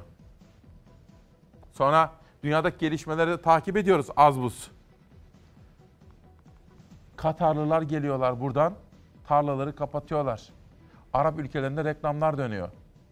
Dünyadaki gelişmelere bakıyoruz yine. Çin parayı veriyor, köprüyü yapıyor ya da kanalı. Ödeyemiyorsan, sen borçlandın ya, tefeci gibi. Kötü tefeciler öyledir biliyorsunuz. Adamı indirirler. Allah muhafaza. Allah kimseyi ondan eline düşürmesin. Çin de aslında tefeci gibi. E Çin gelip yaparsa ne yapacağız? Kim sormuştu? Şerife anne. Ben zamanlamayı da uygun bulmuyorum. Ha ama yapılabilir mi? Şöyle yapılır. İktidar, muhalefet bir araya gelir. Bilim adamlarını dinlerler. Bağımsız kanallarda tartışılır, konuşulur. Bilim adamları konuşulur. Belediye başkanını dinlersiniz mesela. İstanbul gibi bir kentin seçilmiş belediye başkanı hayır diyorsa illa yapacağım. Böyle bir şey yok. Böyle bir demokratik bir ülke o zaman olmaz diyorum ve bir gündeki manşeti okuyorum. Ciğerler değil insanlık bitti. Aydın'da silikozis hastası olan madenciler isyan etti. Hastalanınca işten atıldık. Ölümü bekliyoruz. Hiç değilse çocuklarımız için emeklilik hakkımız verilsin. Burası Aydın Çin'e. Dün sabah sizlere onların dramından bahsetmiştim. Aycan Karadağ'da gitmiş, Çin'de hasta olduklarını bilmeyen, hasta olduklarını sonradan tesadüfen öğrenen madencilerle ilgili bu dram haberini aktarmış. Bir de öğrenci haberi. Mansur Yavaş'la ilgili bir haber bugün Sözcü gazetesinin birinci sayfasının eteklerinde vardı. Sözcü gazetesine geçelim ve orada bu soğuk zamanlarda, bu karda, kışta, bu ekonomik daralma zamanlarında öğrencimizi unutmamış başkan ve Sözcü gazetesinde birinci sayfada haber var. Başkan sıcak çorba dağıttı. Ankara Büyükşehir Belediye Başkanı Mansur Yavaş, kentin üniversitelilere yakın 5 ayrı noktasında her sabah sıcak çorba dağıttırıyor. Öğrenciler hem içimiz ısınıyor hem karnımız doyuyor diyor. İşte biz diyoruz ki hangi partiden olursa olsun belediye başkanlarına diyoruz ki bize işte bunlarla gelin. bindiği aracın ya önce kurallara uyması lazım. Hem kurallara uymayıp hem de e, ihlal edip cezasına belediye ödettirmesi şık bir davranış değil. Ya siyasetin de bir seviyesi bir kalitesi var. Yavaş'ın sayesinde seviye ve kalite yerlerde sürünüyor. Neymiş? Bana tahsis edilen araç otoyolda HGS ücretini ödememiş, karayolları 116 TL borç çıkartmış. Mansur Yavaş ve Melih Gökçe'yi karşı karşıya getiren bu kez Gökçe'nin görevden ayrılırken beraberinde götürdüğü lüks cipler için belediyeye gelen otoban geçiş cezaları. Gökçe'nin belediyeye ait ciplerle otobandan kaçak geçiş yaptığı 1250 liralık cezanın da belediyeye gönderildiğini söyledi Mansur Yavaş. Melih Gökçek yanıt verdi. Belediyenin cipi diyerek. Birincisi kartın bittiği belediye tarafından bildirilmemiş. İkincisi karayolları araç belediyenin olduğu için tebligatı bana yapmamış. Görevli arkadaşlar da kendilerine göndermişler bunu ödeyin diye. Ben para falan ödemem demiş. Yavaş bana bildirildiğini ve 110 TL'yi ödemediğimi söylüyor. Yavaş, yarın yazılı tebligatı ya kamuoyuna dağıt ya da benden özür dile. Hem yazılı tebligat yapmayacaksın hem de sırtarak beni suçlayacaksın. Sayın Gökçe'ye emanet edilen 3 tane araç ondayken ceza yemiş ama tebligatlar yeni gelmiş henüz. Mansur Yavaş koltuğa oturduktan sonra ortaya çıktı. Belediyeye ait 3 lüks cipin Gökçe'nin kullanımında olduğu. İkisi geri alındı. Biri hala Gökçek'te. Geri alınan ciplerin 2018 yılına ait 1038 Gökçe'nin teslim etmediği hala kullandığı cipin ise 116 liralık otobandan kaçak geçiş cezasının yavaş döneminde belediyeye gönderilmesi eski ve mevcut başkanlar arasında gerilim yarattı. Ben para falan ödemem demiş. Artık yasal yollara başvuracağız. Bugün belediyeden net rakamı tam olarak öğrenip sana iki kat para göndereceğim. Borcumu içinden kes, üstünü kendine harçlık yap. Gerçi arabanın vergisini de biz ödüyoruz ama araç onda bunda bir yanlışlık var. Cipi geri isteyeceğiz. Gökçek res çekti cezayı ödeyeceğim diyerek ama belediyeye ait cipi iade edip etmeyeceğini söylemedi. Şimdi bu tartışmanın hani Ahmet Kaya'nın bir eserinde vardı ya iler tutar tarafı yok. Şimdi fakat en başa döndüğümüz zaman Melik Gökçe'nin altında o araba niye duruyor? Mesela Melik Gökçe'nin hali vakti de yerinde. Hiç bunları konuşturmaya da gerek yok. Aslında hemen görevden ayrılınca jipi göndermesi gerekirdi. Çünkü durumu da iyi. Hiç öyle hani jip onda kalmış kalmamış bu tartışmaların bence olmaması, yaşanmaması gerekir. O jip niye duruyor ki? Göndersin gitsin. Kendi parasıyla alsın Melik Gökçek jipi canım. Yıldıray Uğur, İmamoğlu. Kanal İstanbul'un sadece belediye maliyeti 25 milyar liraya yakın. İstanbul Belediyesi'nin bütçesizlikten metro projesi 12,5 milyar lira. Bugün İstanbul'da 50 bin yapı çürük, yüz binler tehdit altında. Bu binalar için milyarlarca liralık fona ihtiyaç var. İstanbul'un önceliği bunlar. Karar gazetesine konuşmuştu belediye başkanı İmamoğlu. Kanal İstanbul'a neden karşı çıktığını madde madde açıklamış. Devam edelim. Başkan Ekrem İmamoğlu'nun danışmanı Murat Ongun, biliyorsunuz basın işlerini koordine ediyor Murat Ongun. İstanbul Büyükşehir Belediyesi'nin Kanal İstanbul projesinden çekildiğini Arapça olarak da duyurdu. Çok akıllıca buldum bu hamleyi. Murat Ongun'un bu hamlesini. Yani Araplara diyor ki biz İstanbul'un seçilmiş belediyesi olarak Kanal İstanbul projesinden çekildik. Gelecekseniz buna göre bunu bilerek gelin diyor Murat Ongun. İsmail Küçükkaya tek cümleyle mantıklı düşünen herkesin sesi oldu. Hepimizin endişelerine tercüman oldu. Estağfurullah diyorum ama mesajımızı tekrar ediyorum. Libya, Suriye olmasın. Gerçekten de korkuyoruz çünkü yeni bir mülteci akımı istemiyoruz Türkiye'ye. 40 milyar dolar harcadık. Daha da devam ediyor. Libya'dan da Türkiye'ye akın olmasın. Profesör Doktor Ali Atıf Bir. Şimdi Sibel kızımız bu dünyadan, bu yalan dünyadan göçüp gitti. Onun bu dünyadan göçüp gitmesini politize etmeden, yandaş candaş kutuplaşmasına kurban etmeden onu anlamalıyız. Sonuçta bir kızımız ölüp gitti. Neden öldü? Ve gençler için çözüm üretmeliyiz. Tüm siyaseti 2002'deki gibi yerle bir etme potansiyeline sahip bir dipten gençlik dalgası geliyor dikkat. Aynen böyle düşünüyorum. Eğer siyaset sınıfı iktidarıyla muhalefetiyle dipten gelen bu dalganın ana mesajını almaz ise bütün siyaset sınıfı yok olur gider. Yepyeni bir sınıf gelir. Aynen katılıyorum Ali Atıf bir hocaya. Bahadır Erdem. Şimdi de bazı fazla heyecanlı gençlere ufak bir hoca dersi. Herkes mücadeleyi kendi konumuna uygun yapar. Öğrenciye destek olmak için illaki polis copu yemek lazım değildir. Gerçek faydayı sağlayacak mücadeleyi yapmak gerekir. Bazılarının sosyal medya gücü job yemekten fazla olabilir diyor. Çok akıllı bir mesaj bence. Mor Çatı, bugün Türkiye'nin her yerinden ses veriyoruz. Tüm kadınlar çocuk istismarının affı olmaz diyoruz. İstismarı aklama, suça ortak olma. 9 kuşağında bu haberi sizlere vereceğim. Detaylı olarak bu haberi sizlere sunma imkanı bulacağım. Ayrıca Yönetim Kurulu'nda Kadın Derneği Başkanı Hande Hanım da yayınımıza geliyor. Kadın sorunu da konuşacağız. Bu arada bir de kızımız adı İlayda. O piyano çalıyor. Onu ressam Gülten İmamoğlu üniversitede ders verirken keşfetmiş aslında. Şimdi dünyada özellikle Londra'da eğitim alıyor. Çok yetenekli. Fakat onun başta devletimiz olmak üzere desteğine ihtiyacımız var. İlayda okuyacak ama desteğe ihtiyacı var.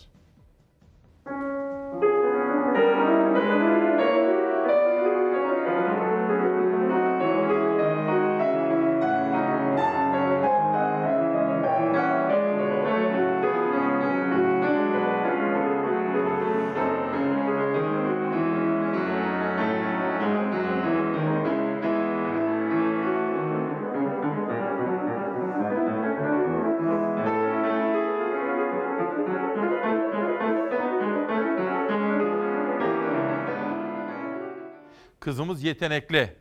Az evvel ifade ettiğim gibi Gülten İmamoğlu üniversitede hoca bunu keşfediyor. Aslında resme yeteneği var. Fakat sonra bakıyorlar ki resimden daha fazla müziğe. Fakat onun desteğe ihtiyacı var. Ben buradan devletimizi görmek istiyorum.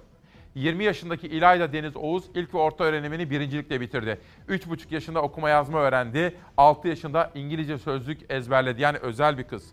6 yaşında Profesör Doktor Gülten İmamoğlu tarafından 19 Mayıs Üniversitesi Güzel Sanatlar Fakültesi Resim Bölümünün birinci sınıfına resmi olarak kabul edildi. Hocamıza teşekkür ediyoruz. Onu yakalamış. Ve Bilkent Müzik ve Sahne Sanatları Lise bölümünden birincilikle mezun oldu. Lisans eğitimini Royal College of Music'te Londra'da devam ediyor. Ama ailesinin durumu da yeterli değil. Tabii kolay değil Londra'da çocuk okutmak.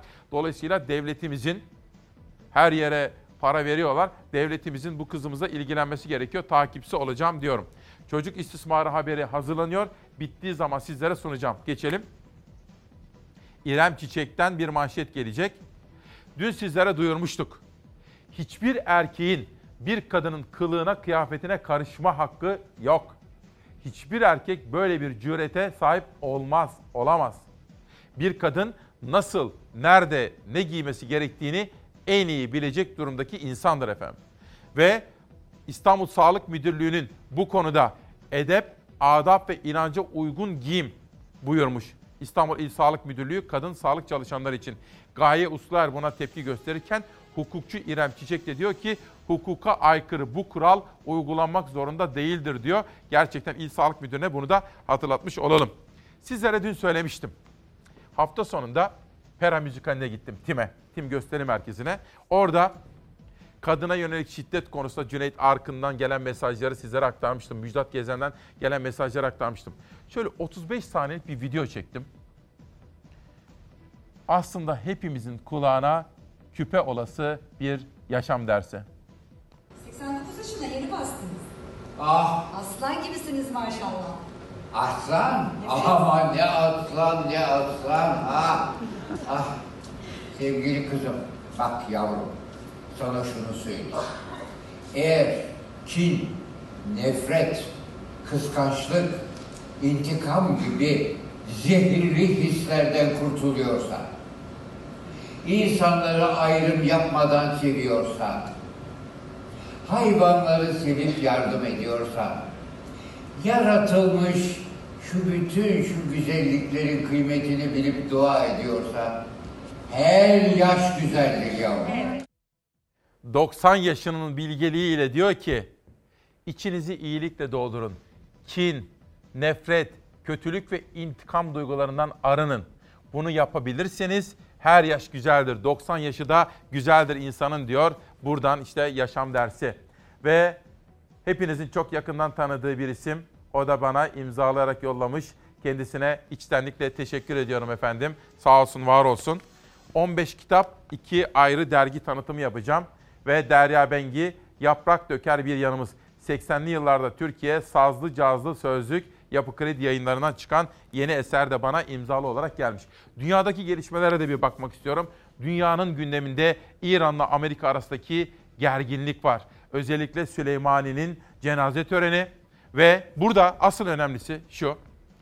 Amerikan kuvvetlerinin Irak'tan çekilmesi ve Amerika'nın bunu reddetmesi dünya çapında bir manşet efendim.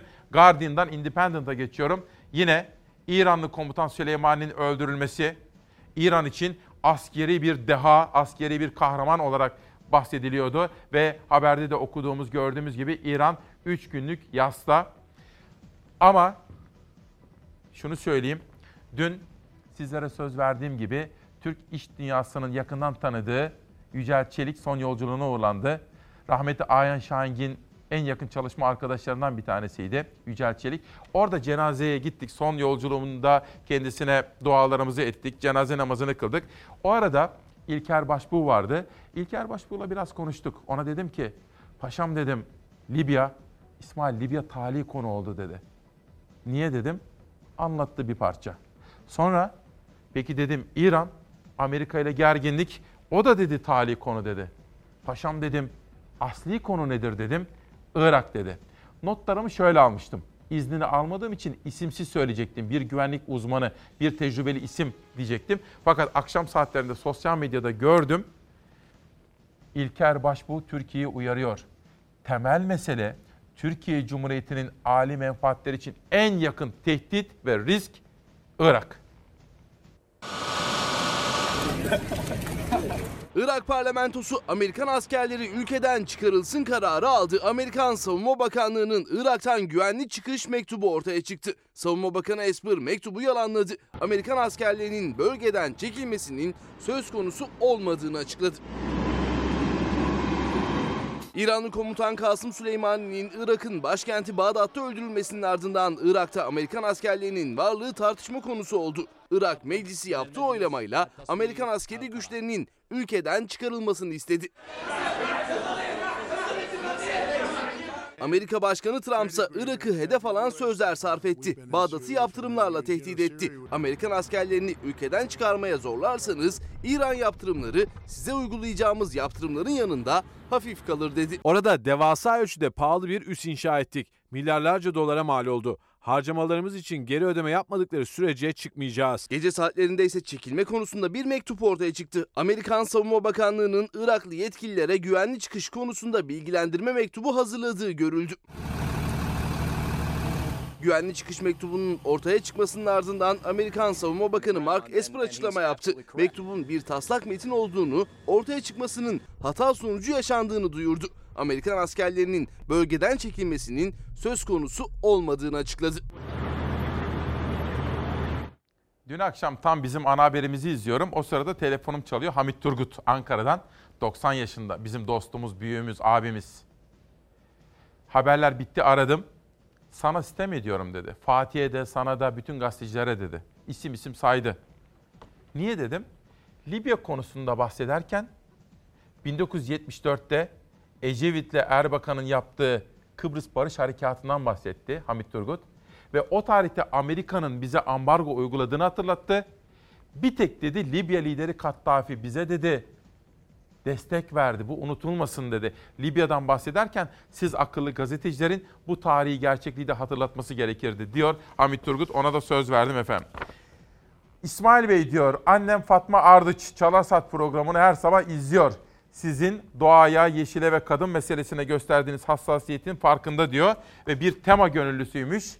Benim adıma Erzurum'da Palandöken Hatıra Ormanı'na 10 adet fidan bağışlamış.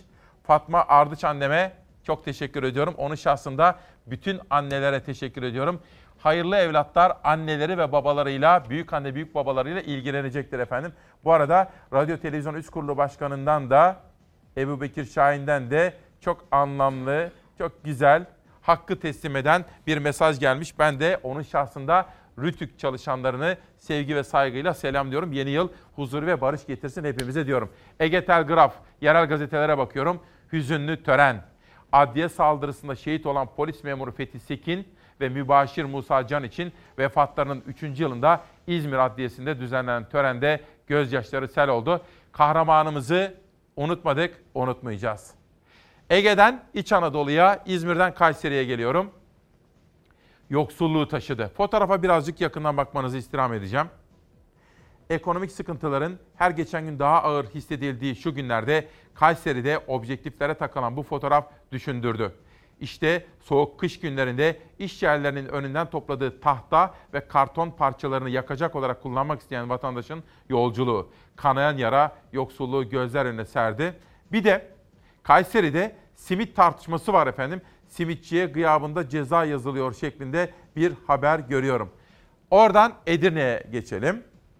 Eski vekilin isyanı Edirne Hudut Gazetesi.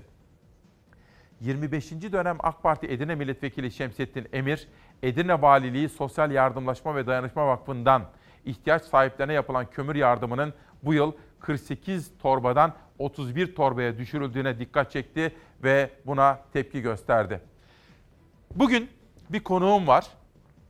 Hani hep söylüyoruz ya kadın erkek eşitliğini sağlamamız gerekiyor. Meselenin özüne ve köküne baktığımız zaman parlamentonun yarısı kadın olmalı. Bakanların yarısı kadın olmalı. Rektörlerin, başhekimlerin, barolardaki yöneticilerin yarısı kadın olmalı. Yani zihinsel devrim yapmak için böyle olmalı. Dün akşam bir toplantı vardı. Yönetim Kurulu'nda Kadın Derneği'nin. Ama ben akşamları çıkamıyorum. Çünkü akşam erken yatıp sabah erken kalkmam gerekiyor. Fakat meseleye de ilgi gösterdim. Benden de destek istediler. Gittim tanıştım, konuştuk, tartıştık. Kota meselesi başta olmak üzere. Hande Hanım biraz sonra buraya gelecek ama evden çıkmak üzere olanlar için işte günün manşeti geliyor. Yönetim ilk yola çıktığımızda yönetim kurulunda neden yeterince kadın yok dediğimizde bize hep yönetim kuruluna çıkmaya hazır, yeterli, donanımlı, tecrübeli, eğitimli kadın yok diyorlardı. Biz de dedik o zaman biz bu eksiği kapatalım.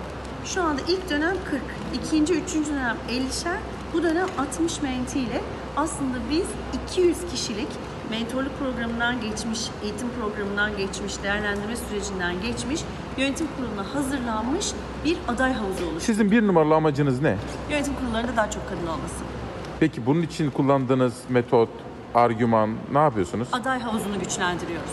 Çünkü diyorlar ki yeterince iyi aday yok. Biz de diyoruz ki var. Biz yetiştiriyoruz, geliştiriyoruz. Hem de bu ülkenin en tecrübeli yönetim kurulu başkanlarından mentorluk alarak gelişiyorlar. En Ne demek mentorluk almak? Ülkedeki tecrübeli iş adamları, liderler, yönetim kurulu ile ilgili tecrübelerini bir başka şirkette üst düzey yönetici olarak çalışan bir kadına anlatıyorlar. Ben hatırlıyorsunuz değil mi? İlk yuvarlak masa toplantısına vardım. O zaman kaçtı? Ne zamandı? 2011 yılıydı. 2011. Evet. 2011'de ilk e, basın lansmanımızı yaptık. 2012'de ilk dönem mentorluk programımızı başlattık. Şimdi de dördüncü dönemi başlatıyoruz. Bu akşam Suzan Sabancı Dinçer hanımefendiden Murat Özyeğin mi alıyor? Danışma kurulu başkanlığımızı o devralıyor evet. Türkiye'de yönetim kurullarında kadın oranı kaç? Halka açık şirketlerde e, yüzde 15.9. Fakat bunun yüzde 43'ü aile üyesi. Yani patronun eşi, kız kardeşi, kızı olduğu için e, yönetim kurulu üyesi. Dolayısıyla e, daha da düşük yani. Bu 15.9'dan ortalama mesela başka ülkelerle kıyaslandığında nasıl kalıyor? İkiye ayırmamız gerekiyor. Kota olan ülkeler ve kota olmayan ülkeler. Kota olan ülkelerde %30, %40 gibi kota konduğunda tabii ki bunun uygulayıcı bir e, şeyi oluyor, hükmü oluyor. Kota konulması iyi Oralarda mi? yüksek. E, bununla ilgili çok tartışmalı görüşler var. Biz dernek olarak bir kurumsal görüşümüz yok ama benim e, Hande Yaşargil olarak görüşüm kota konması gerektiği yolunda. Hande Hanım şimdi bu İngiltere modeli var mesela. Orada nasıl oldu? Şimdi kota olmayan ülkelerin en iyi modeli İngiltere. Ee, orada da e, bu konudaki bakan Lord Davies raporu diye bir şey var. Çıktı dedi ki biz dedi şu kadar yıl içinde %25'e ulaşmasını istiyoruz. İş dünyası bunu kendi inisiyatifiyle yaparsa çok iyi, yapmazsa o zaman kota koyacağız dedi. Yani kotadan önceki son çıkıştı. Ne oldu? Ve iş dünyası, siyaset hepsi el ele verdi ve sivil toplum örgütleriyle birlikte e, bunu yaptılar. Şu anda %29. İngiltere'de. Evet. Hande Hanım biraz sonra canlı canlı da gelecek çünkü yurt dışına gidecek. Yurt dışına çıkmadan evvel birazcık da canlı canlı olarak anlatsın. Zuhal Şeker 2011 yılında beni aramıştı. Ben o zaman gazetede görevliydim. Bu konudaki çalışmalardan bahsetmişti. O zaman o Türksel'de miydi, Ülker grubu hatırlamıyorum ama ben de gittim. İlk yuvarlak masa toplantısına katıldım. Amaçlarını dinlemiştim. Yönetim kurullarına kadın yetiştirelim diyorlardı. O gün bugündür onların destekçisiyim efendim. Çünkü çok sayıda kadın olursa zihinsel dönüşüm gerçekleşir diyorum. Bir günden bir haberim daha var mı burada arkadaşlar? Serdar? Tamam.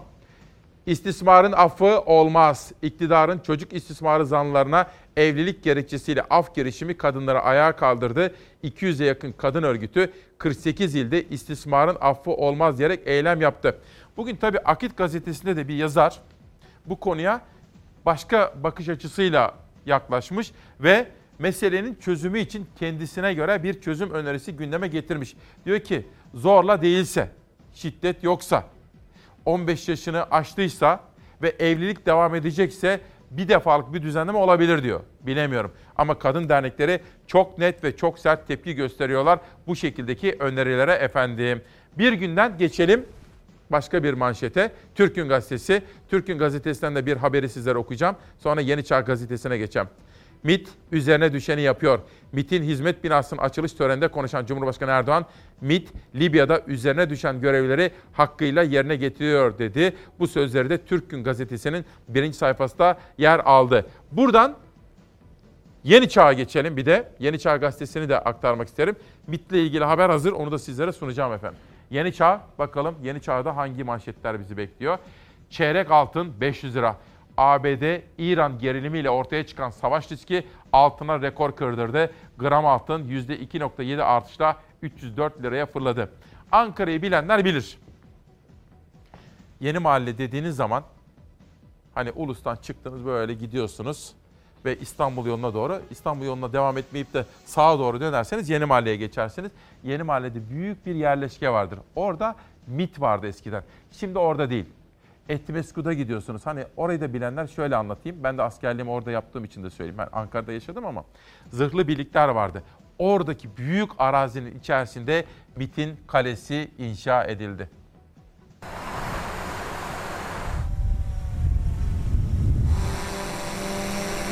Milli İstihbarat Teşkilatımız artık hamdolsun uluslararası alanda hatırı sayılır güçlü istihbarat kuruluşları arasında yer alıyor. Milli İstihbarat Teşkilatı yeni binası kaleye taşındı. Açılışa devletin zirvesi katıldı. Cumhurbaşkanı Erdoğan MIT'in çalışmalarındaki başarısını anlattı.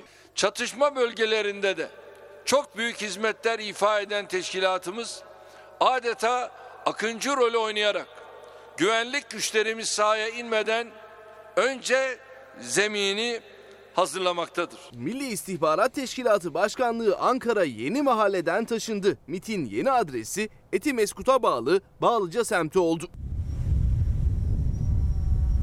MIT için Bağlıca'da özel bir tesis hazırlandı. 5000 dönümlük alana inşa edildi bina. Etrafında başka hiçbir yapı olmamasına özen gösterildi.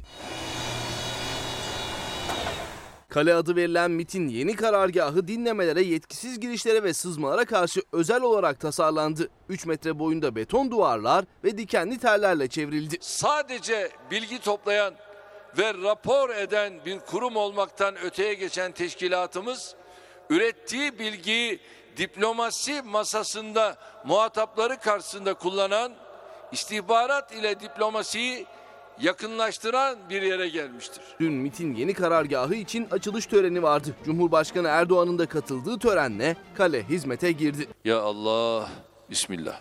Törende konuşan Cumhurbaşkanı Erdoğan, sınır ötesinde düzenlenen harekatlarda MIT'in öneminden ve Türkiye'nin terörle mücadelesindeki yerinden bahsetti. Suriye krizinin başladığı ilk günden itibaren sahada aktif rol oynayan teşkilatımızın sınır ötesi harekatlarımızın başarıya ulaşmasında çok büyük emeği bulunuyor. Erdoğan Libya'da da MIT'in önemli görevler yerine getireceğini söyledi. Şimdi de Libya'da üzerine düşen görevleri hakkıyla yerine getiriyor. Devletimizin ve milletimizin çıkarlarını sınır, mesafe, engel tanımaksızın her coğrafyada savunmaya devam edeceğinize yürekten inanıyorum.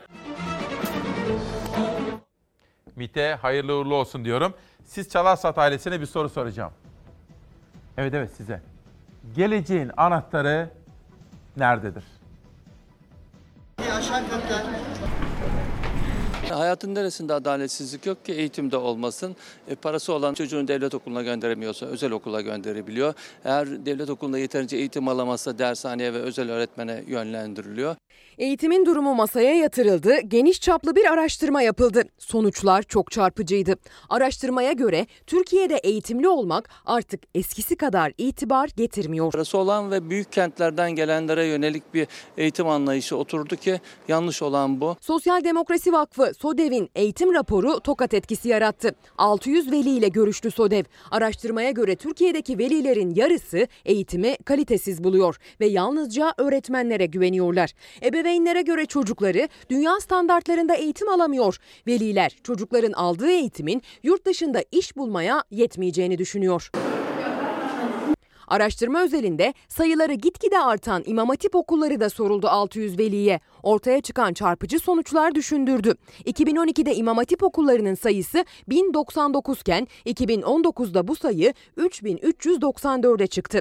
Araştırmaya göre ise çocuklarını İmam Hatip'e göndermek isteyenlerin oranı sadece %10. Öte yandan İmam Hatipli öğrenciye harcanan paranın miktarı da düşündürdü. İmam Hatip liselerinde öğrenci başına düşen bütçe ödeneği teklifi 12.707 lirayken genel ortaöğretim okullarında bu teklifin İmam Hatip öğrencisinin yarısı kadar yani 6.153 lira olduğu yansıdı rapora.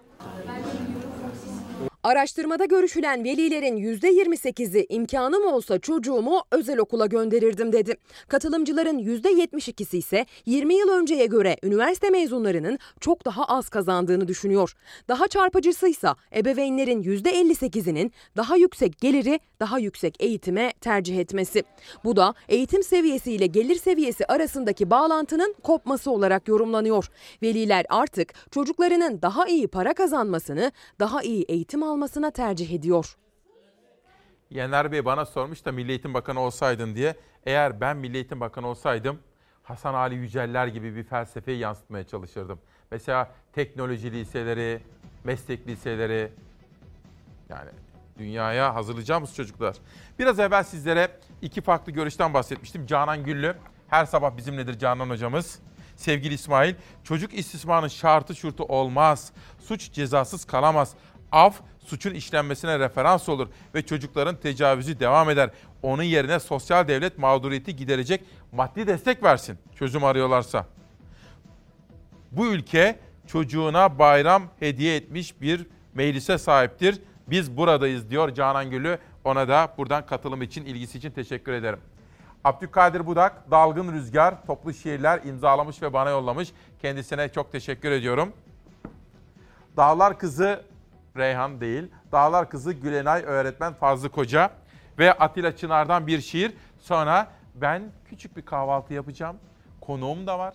Ekonomiye dair haber ve manşetler ve sürprizlerim de var. Aranıza geri geleceğim ama küçücük bir kahvaltıyı sanırım hak ettim efendim. Süreç mi, sonuç mu? En çok en çok aramayı seviyorum. Bulmayı değil, bulduğumda bitmiş oluyor. Ben en çok aramayı seviyorum. İyi olmak için uğraşmayı seviyorum. İyi olmak için. Ödülü değil, ödül ödül çabuk tükeniyor. Yürümeyi seviyorum. Yürümeyi, durmadan yürümeyi, varmayı değil. Biliyorum. Vardığımda kimse olmayacak. Kar yağıyor bugün Ankara'da Kar yağıyor uykularıma sen Uzaklardasın. Dışarıda buz gibi bir hava Odam sıcacık aşkınla sen Uzaklardasın. Oh,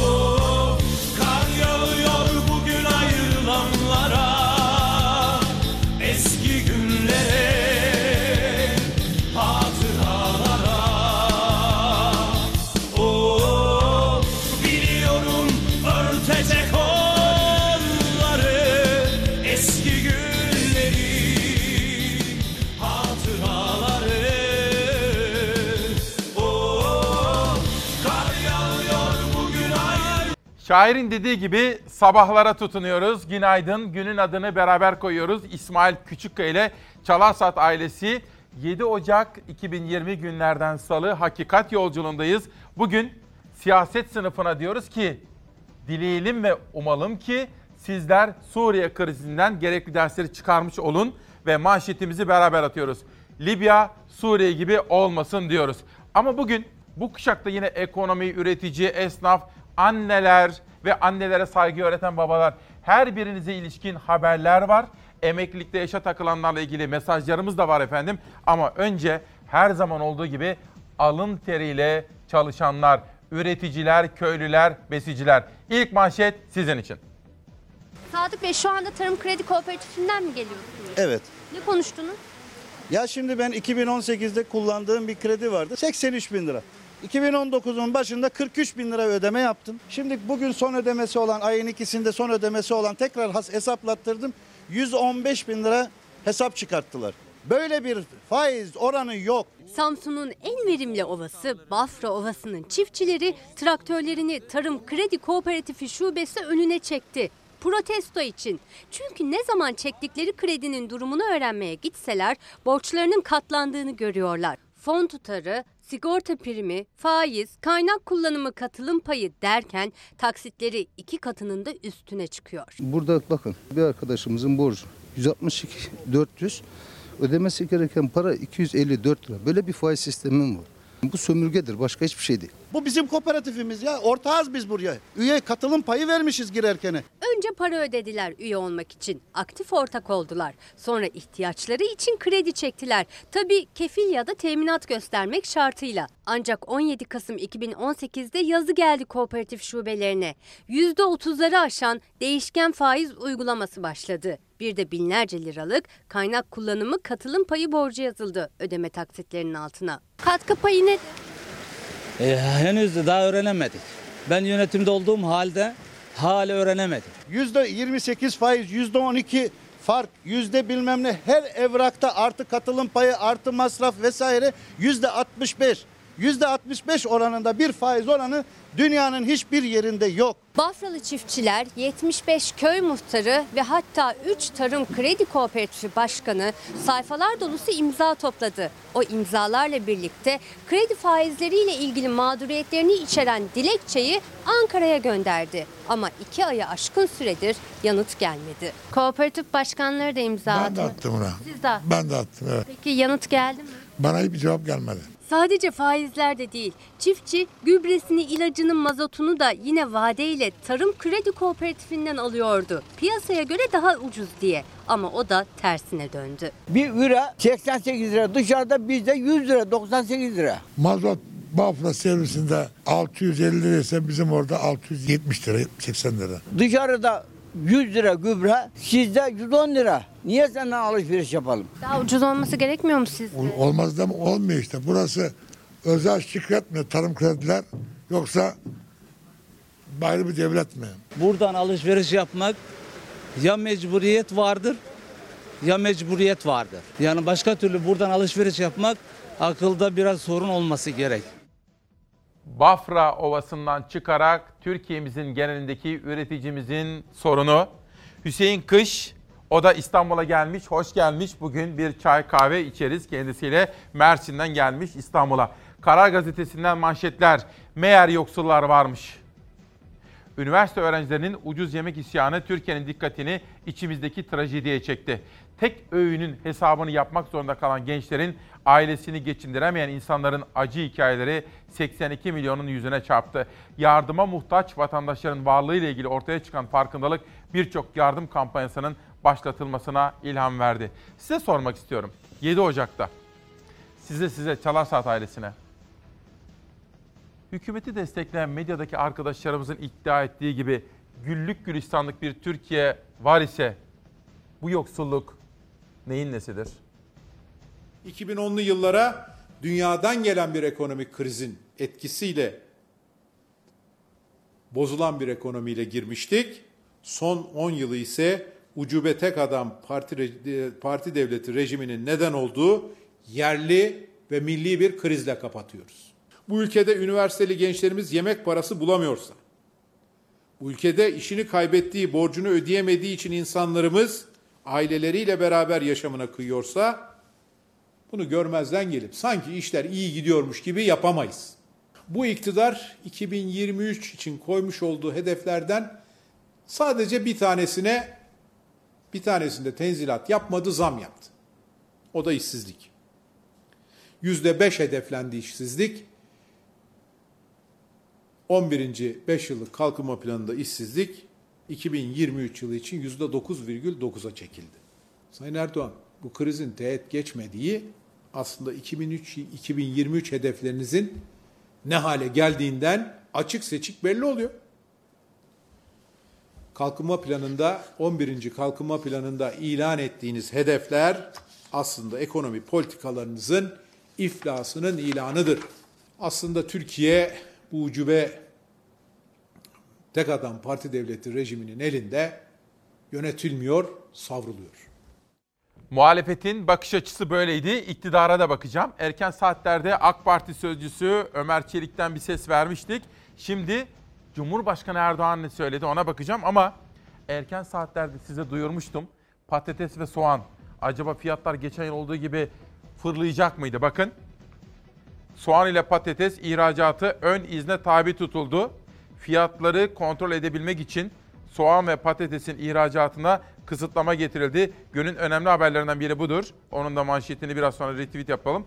Bu arada Yönetim Kurulu'nda Kadın Derneği Başkanı Hande Yaşargil Demokrasi Meydanı'na katıldı. Biraz sonra da buraya gelecek canlı canlı yönetim kurulunda kadını artırmak üzere dün Suzan Sabancı Dinçer'den bayrağı devralan Murat Özyeğin üzerinden de yönetim kurullarında kadın sayısını nasıl artıracağız ona dikkatle bakalım.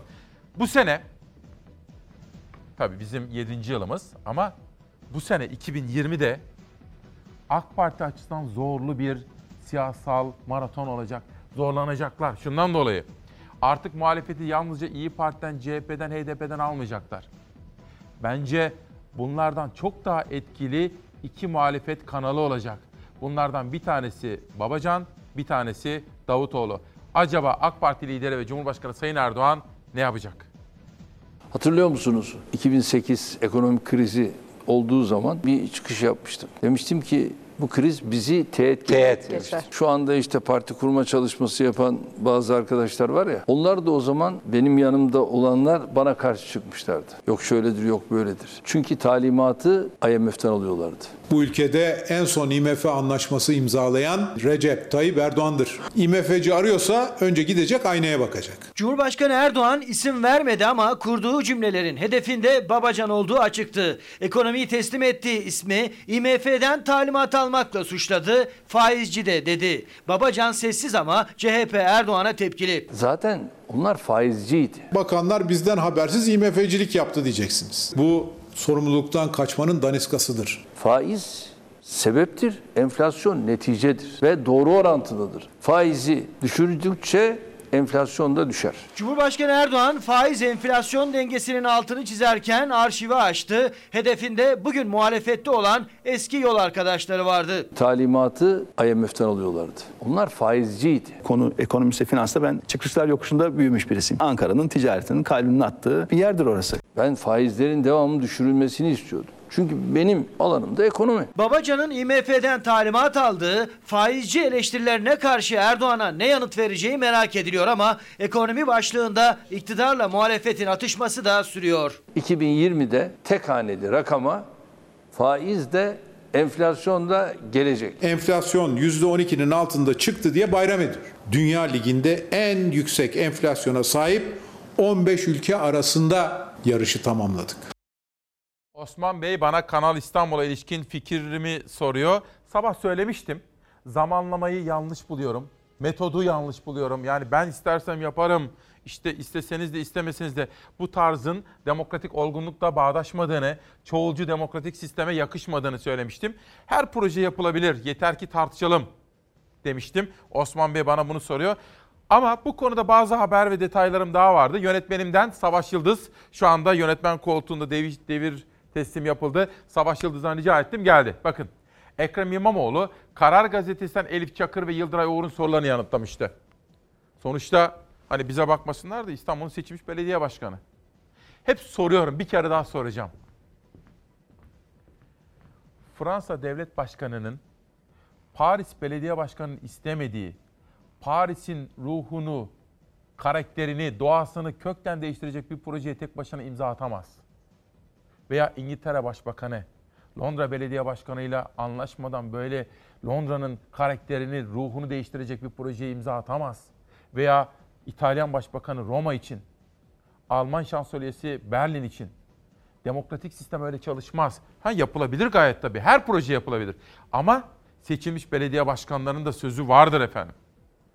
Ekrem İmamoğlu ile Kanal İstanbul'u başkanlıktaki 6 ayını, Atatürk Havalimanı teklifini, Haydarpaşa Sirkeci Garlarını, İSMEK'teki Kürtçe derslerini, cemevlerine statüyü, şehir üniversitesini ve fazla PR yani halkla ilişkiler yaptığı yolundaki eleştirileri konuştuk.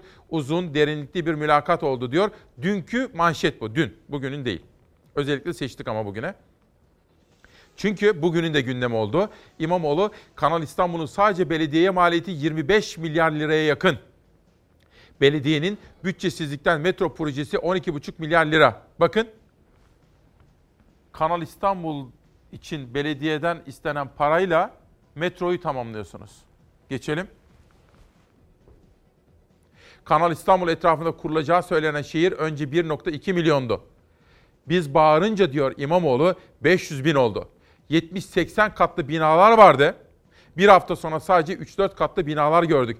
Böyle kötü bir inşaat ekonomisi varken bunu anlatacaklarsa şimdiden o proje sınıfta kaldı demektir diyor efendim. Ayrıca neden?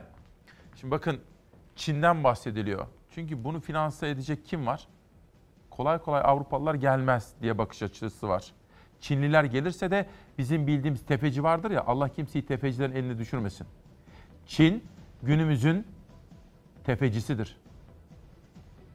Şimdi çıkmış İstanbul'a diyor böyle bir Kanal İstanbul gereksiz. Bunun kararını verme yetkisi bize aittir ve biz bunun kararını zaten verdik.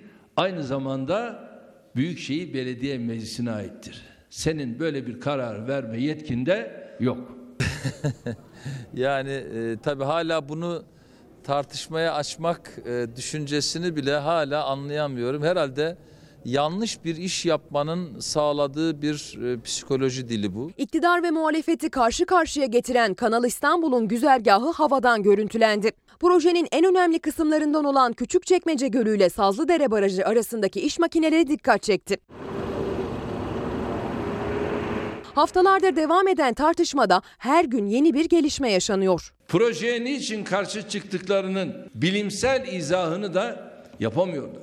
Biz 15 e, maddelik sunumumuzda zaten tümüyle bilimsel konuştuk. Bizi de milleti de ikna ederseniz ha, mesele biter. Tamam memnuniyet duyarım. Zaten Temmuz'dan beri kendisinden hala randevuya cevap bekliyoruz. Bölge şimdi de Sazlıdere Barajı'nda çalışan kepçelerle gündeme geldi. İş makinelerinin barajı balçıktan temizlemek için çalıştığı bilgisine ulaşıldı. Görevini ihmal eden hesabını millete ve hukuka muhakkak verecektir. Yarın hesap veremem dediğim tek şey işte İstanbul'a cinayet dediğim Kanal İstanbul'un başlatılması konusu. Eğer o başlarsa İstanbul halkına ben hesap veremem. Küçükçekmece Gölü'nün bitimiyle Sazlıdere Barajı'nın başladığı yaklaşık 6 kilometrelik hat yapılması planlanan kanal projesinin en önemli kısımlarından birini oluşturuyor. Şimdi bakın çok üzüldüğüm bir olay. Üzüntümü sizlerle paylaşacağım. Şimdi duydum. 10 saniye önce bir mesaj. Bir doktor var, ülkesini çok seven, İzmir'de tabip odası yönetiminde. Doktor Ergun Demir. İsmail Bey günaydın. Ama dikkatli izleyin olur mu? Üzüntümü paylaşın. Çünkü benim üzüntüm sizin üzüntünüz. Başka üzüntülerimiz olmasın diye. İsmail Bey günaydın. Aydın Çin'de madende çalışan işçilerin iş sağlığı ve güvenliği önlemi alınmadığı için ölümcül silikozis hastalığına yakalandıklarını siz geçen gün haber olarak vermiştiniz. Fox'a konuşan işçinin işten atıldığı haberini aldık. Ülkenin geldiği durum işte bu. İş sağlığı güvenliği önlemi almayıp, bakın çalışanın, alın teriyle çalışan emekçinin güvenliğini sağlamanız gerekiyor. İş güvenliğini ve can güvenliğini ve sağlığını. Bu önlemleri almayıp işçileri silikozis gibi ölümcül hastalığa neden olacaklar. Hem de işten atacaklar, ailesini açlığa mahkum edecekler. Doktor Ergun Demir, vasıtanızla kamuoyuna duyurmak isterim. Ne kadar acı değil mi? Geçen sene, geçen sene yine bize konuşmuştu. Böyle okumuş, yazmış. Hale vakti yerinde. Tarımla uğraşıyordu. Geçenlerde Bursa'ya gittiğim zaman tanıştım. Kendisiyle ve eşiyle. Kendisini tebrik ettim. Onun başına da gelenler pişmiş tavuğun başına gelmemişti. Sen misin konuşan? Böyle olmaz arkadaşlar. Böyle ülke yönetilmez. Konuşacağız. Herkes konuşacak. Herkes özgürce düşüncelerini, eleştiri, öneri ve itirazını dile getirecek. Konuştu diye bir işçiyi işten atamazsınız. Konuştu diye okumuş yazmış bir insan tarımla uğraşıyor. Onun elini kolunu bağlayamazsınız. Olmaz. Olmaz. Bakın bu benim üzüntüm ama sizin de üzüntünüz olması gerekir. Karardan geçelim hürriyete. Buradan bir manşet okuyacağım sonra dünyaya geçeceğim. Sarı itiraflar. Uber'den kurtulduk diye sevinen sarı taksi esnafı vatandaş korsan taksiye koşunca şoka uğradı. Şimdi ard arda biz nerede hata yapıyoruz, neden ilk tercih tercih değiliz tartışması başladı.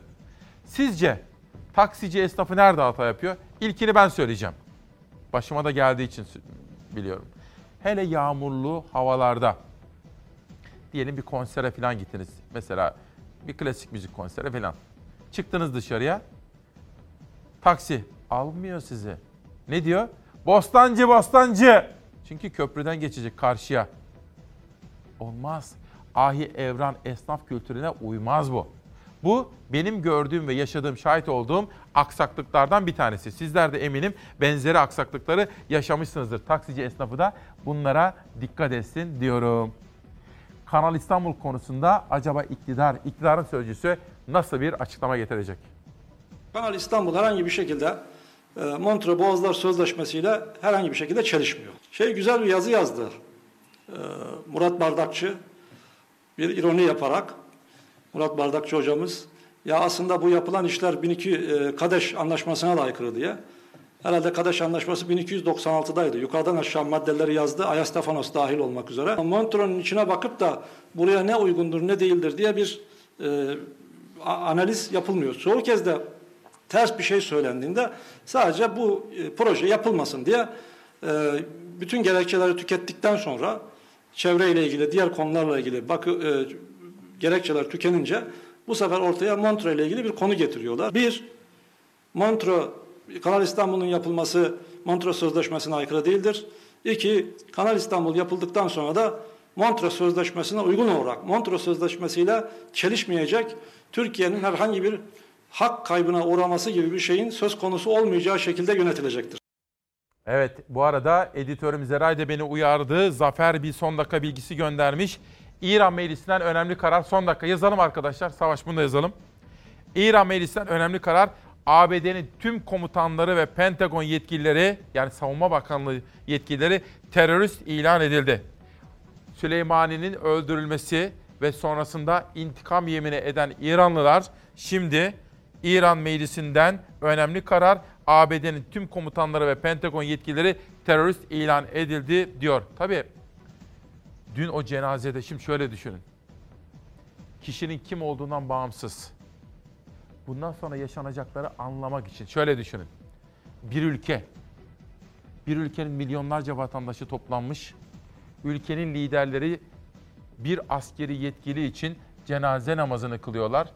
Ülkenin en yetkili isimleri, ülkeyi yönetenler gözyaşları döküyor. Bir toplum bunu unutmayacaktır. İşte korkumuz ve kaygımız ülkeler arasındaki ilişkilerin bu kadar travmatize edilmesidir efendim. Süleymani'nin Süleymani'nin cenazesi memleketi Kirman'da. وأنت خير منزول به İran'ın efsane komutanının cenaze namazında dini lider Hamaney gözyaşlarını tutamadı binlerce kişi intikam yeminleri etti. Süleymani'nin cenazesini memleketinde binlerce kişi karşıladı. Tahran'ın son 10 yılda Orta Doğu'da attığı adımları yöneten isimdi General Kasım Süleymani. Cuma günü Amerika'nın hava saldırısıyla öldü. İran Devrim Muhafızları Ordusu'na bağlı Kudüs Gücü Komutanı olan Süleymani için ilk tören Irak'ta, öldürüldüğü yerde başkent Bağdat'ta yapıldı. Ardından naaşı Kerbela ve Necef'e taşındı. Şiilerin kutsal türbelerinde dolaştırıldı. Süleymani'nin cenazesi pazar günü önce İran'ın güneybatısındaki Ahvaz kentine götürüldü. Ardından Şii imamların 8.si olan İmam Rıza'nın türbesinin bulunduğu kente Meşet kentindeki törene taşındı. Törenler sürerken Şiiler için önemli Kum şehrinde Cem Keran Camisi'nin kubbesine savaş ilanı anlamına gelen kırmızı bayrak çekildi. Süleymani'nin intikamı alınana dek bayrağın gönderde kalacağı duyuruldu. Dün de İran'ın başkenti Tahran'da Süleymani için cenaze töreni vardı. On binlerce İranlı katıldı törene. Namazı İran dini lideri Ali Hamana'yı kıldırdı. Manevi oğlum dediği Kasım Süleymani için namaz kıldırırken tabutunun önünde gözyaşlarını tutamadı Hamana'yı. Ve bugün Kasım Süleymani'nin cenazesi defnedileceği yer olan Süleymani'nin memleketi Kirman kentine getirildi. Cenazeyi havalimanında yüzlerce kişi karşıladı. Kirman Meydanı'na ise binlerce kişi akın etmeye başladı. Süleymani için son görevini yerine getirecek bugün İranlılar. Ardından İranlı komutanın cenazesi toprağa verilecek. Selin Alkılıç, büyük sorunlarımız var İsmail abi. O kadar gencimiz işsiz, halimiz ne olacak diye soruyor. Fatih Bakır, size bir şey sorabilir miyim İsmail Bey? Bu Trump ne yapmak istiyor sizce diye soruyor. Mustafa Bey, ben AK Partiliyim yemin olsun sadece sana güveniyorum kardeşim diyor. Mustafa Bey'e de çok teşekkür ediyorum güveni için. Twitter'dan ve Instagram'dan mesajlarınızı okuyorum. Dün bu arada Ankara'dan arkadaşlarımız aradılar. Bir izleyenim uyuz salgını olduğundan bahsediyordu. Bu konuyu takip ediyoruz. Ankara büromuz uzmanlarıyla konuşuyor. Haberleştirip en sağlıklı bilgiyi sizlere vereceğim efendim. Bu arada bir arkadaşım soruyordu. Bakın. Üzüntüm. Üzüntüm üzüntünüzdür. Sevincim sevincinizdir. Öyle olmalıdır.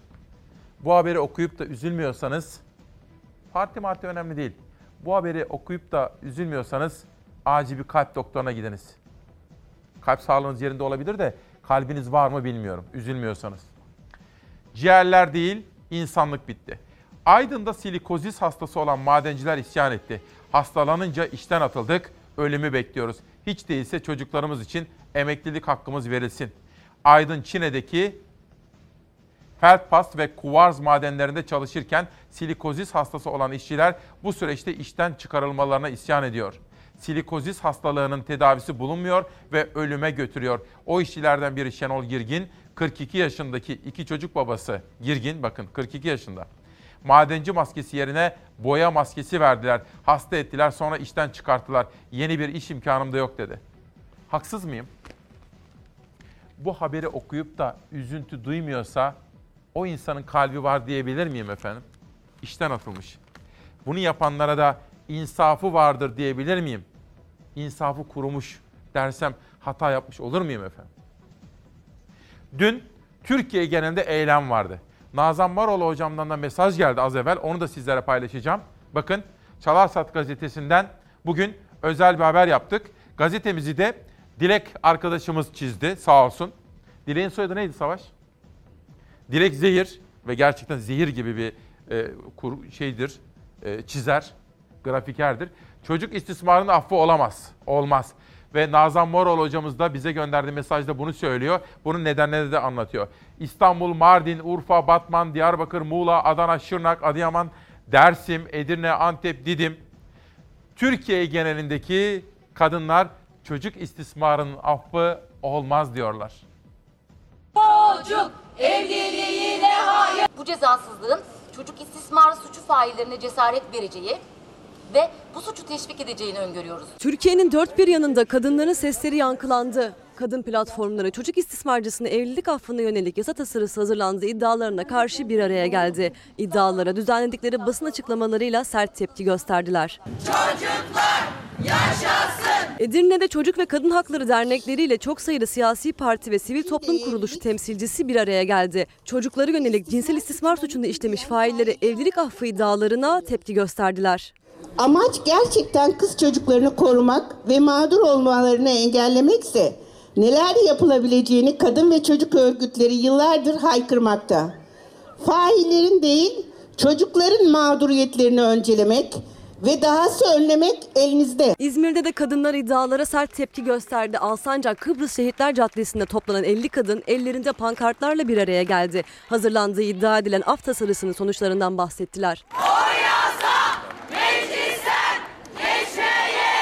Evlilik affı iddiaları Muğla'da Fethiye Kadın Danışma ve Dayanışma Derneği üyelerini de harekete geçirdi. Fethiye Belediyesi Kültür Merkezi önünde toplanan 30'a yakın kadın eylem yaptı. Çocuk evliliklerine hayır, çocuk istismarına hayır dövizleri taşıdılar ellerinde. 15 yaş farkının bir kriter olarak benimsenmiş olduğu Ocak 2020 gibi meclise getirileceği söylenmekte. Adıyaman'da, Denizli'de ve Şanlıurfa'da da kadınlar sokaktaydı. Hazırlandığı iddia edilen evlilik affı tasarısına hep birazdan tepki gösterdiler. Biraz evvel bir mesaj vardı ya Mustafa Bey. AK Partiliyim diyor. Sadece size güveniyorum diyor ya bakın. İyi ki Fox var bu ülkede ya. Özgür, bağımsız. O Çin'deki madencinin sesini biz duyurmuştuk. Hem ana haberimizde hem de çalar saatimizde. Öznur Aslan oraya kadar gitmişti. İşte bu haber. ciğerler değil insanlık bitti.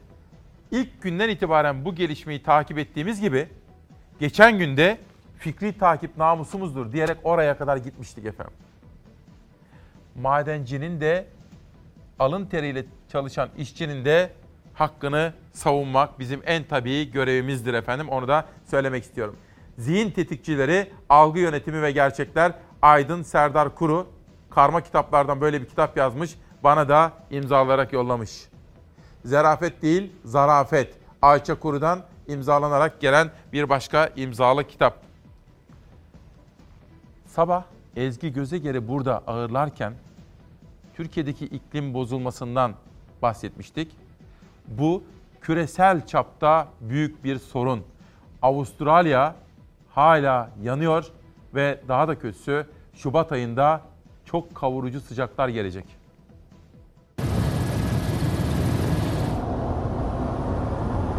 Tüm dünya Avustralya'da 4 aydır devam eden yangınların ne zaman sona ereceğini merak ederken yapılan açıklamalar endişeleri daha da artırdı.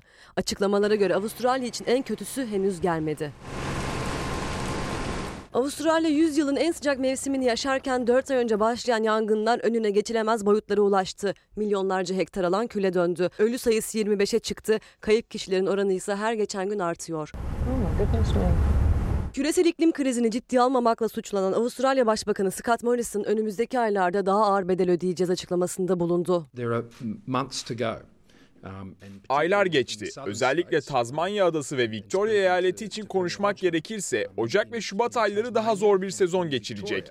Daha gidecek çok yolumuz var. Üzülerek söylemeliyim ki bu facianın bedeli daha da artacak. Morrison'ın detay vermediği açıklamasına ilişkin korkutan tabloyu iklim bilimleri üzerinde araştırmalar yapan Profesör Neville Nichols paylaştı. Profesör Nichols en kötüsü gelmedi dedi. Hortum felaketlerine dikkat çeken bilim insanı Şubat aylarının başında sıcakları daha da artacağını belirtti.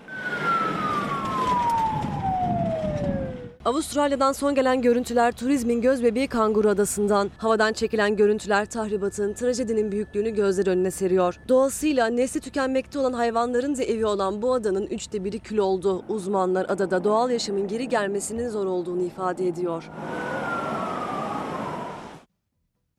İklim bozulması konusunda benim de tanıştığım liseli bir çocuğumuz var, bir kızımız. Sadece adını söyleyeyim, Selin. Selin buraya gelecek ve kendisiyle konuşacağız efendim. Bu arada sizlere bir soru sormak istiyorum. Adalet. Sıradaki haber adalete ilişkin. Adalet nedir? Adalet. Ha, bizim orada Simav'da da vardı. Adalet ablamız vardı. Adalet bir insan ismi değildir. O öyledir de esas nedir? Adalet ne zaman lazımdır? Geç gelen adalet adalet midir? Bunları düşüneceğiz şimdi. Zihin egzersizi yapacağız. Ama önce birkaç kitap tanıtalım. Abdül Samet İlgin'den yeni çıkan kitabı Şair gibi sevmeli diyor. Hülya Şalk Denizin Büyülü Melodisi. Beyza Bulut Kozan'dan çıkmak bir kelebek hikayesi mucize. Ve fotoğraflar gelsin şimdi. İlker Başbu erken saatlerde sizlere söyledim. Şu anda en önemli riskin ve krizin Irak olduğunu söylüyor efendim. Irak'a dikkat. Ve siyaset dünyasından önemli bir gelişme. Erdal Sarı Zeybek çok tanınan bir Mustafa Kemal askeridir. O da İyi Parti saflarında siyaset yapmayı tercih etti. Bence Erdal Sarı Zeybek doğru yaptı. Çünkü şöyle bir baktığım zaman aslında siyasete her partiye yeni yeni isimlerin girmesini destekliyoruz efendim. Türk siyasetine hayırlı olsun. Bunu da Anadolu Ajansı'nda gördüm. FETÖ'yle mücadelenin bugünkü safahatı bakın. Bugün, ya daha doğrusu dünden bugüne sarkıyor şu kadar davalar var. FETÖ ile mücadele kapsamında mahkeme koridorlarında futbolda şike davası, yüksek yargı üyelerinin yargılandığı dava, jandarma genel komutanlığı davası, Akıncı Üstü davası, kaset komplosu davası, FETÖ, PYD, paralel devlet yapılanması, eğitim, mahrem askeri yapılanma ve darbe girişimi. Her gün böyle bir sürü davalar var efendim. SODEV'in eğitim raporu AKP döneminde Türkiye'de eğitimli olmanın itibarı azalıyor. Şöyle bir manşet atmışlar geleceğin anahtarı eğitim idi. Şimdi öyle değilmiş. Kız arkadaşını dövüp otomobilini vatandaşların üzerine süren Görken Sertaç'ın tahliyesine Bakırköy Cumhuriyet Başsavcılığı itiraz etti. Şimdi bu nasıl olabilir? Nasıl olduğunu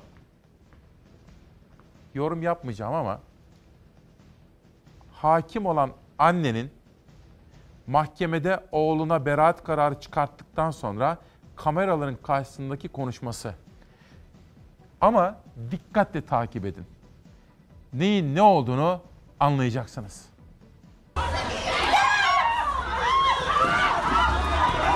Bugünkü aldığımız tahliye kararı için hepimiz çok mutluyuz. Mahkemeye teşekkür ediyoruz. Avukat Aynur Göçmen eski hakim, eşi ise eski savcı. 22 yaşındaki oğulları Görkem Sertaç Göçmen bugüne kadar 9 farklı suça karıştı. Her seferinde de serbest kaldı. Son karıştığı bu olaydaysa önce yanında oturan kız arkadaşını dövmüş, yardıma koşanların üzerine ise aracını sürerek 6 kişiyi yaralamıştı. Ve yine serbest bırakıldı. Kız o kadar korkmuş ki. Hala korkuyor.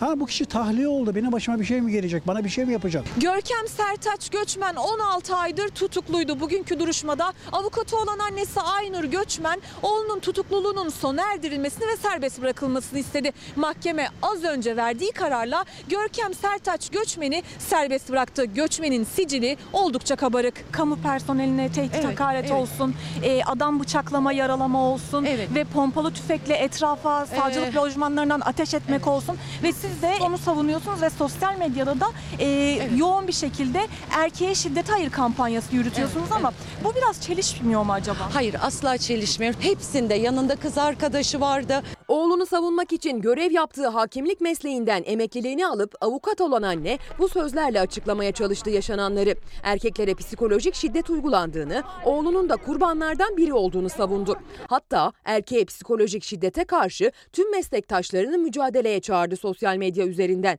Oysa müvekkilinin yani oğlunun şiddetle suçlandığı olaylar uzun bir liste oluşturuyordu. Oğlum halen sabıkasız birisi. Masumiyet karinesi çok fazla ihlal edildi. Göçmenin geçmişte işlediği 4 ayrı suçtan açılan davalarda hükmün açıklanması geri bırakıldığı için sicilinde suç kaydı görünmüyor. Görkem Sertaç Göçmen hakkında 32 yıla kadar hapis sistemiyle iddianame düzenlendi. Artık biz de şaşırıyoruz. Aklınıza gelebilecek bütün suçlar var. Bu şekilde tahliye edilmesi hiçbir şekilde bizim kabul edeceğimiz bir şey değil. Burada bu iş- insanın ben korunduğuna inanıyorum. Bu şekilde bir yaşamaz. Annenin babanın hakim ve savcı olmasıyla bir alakası olabilir mi?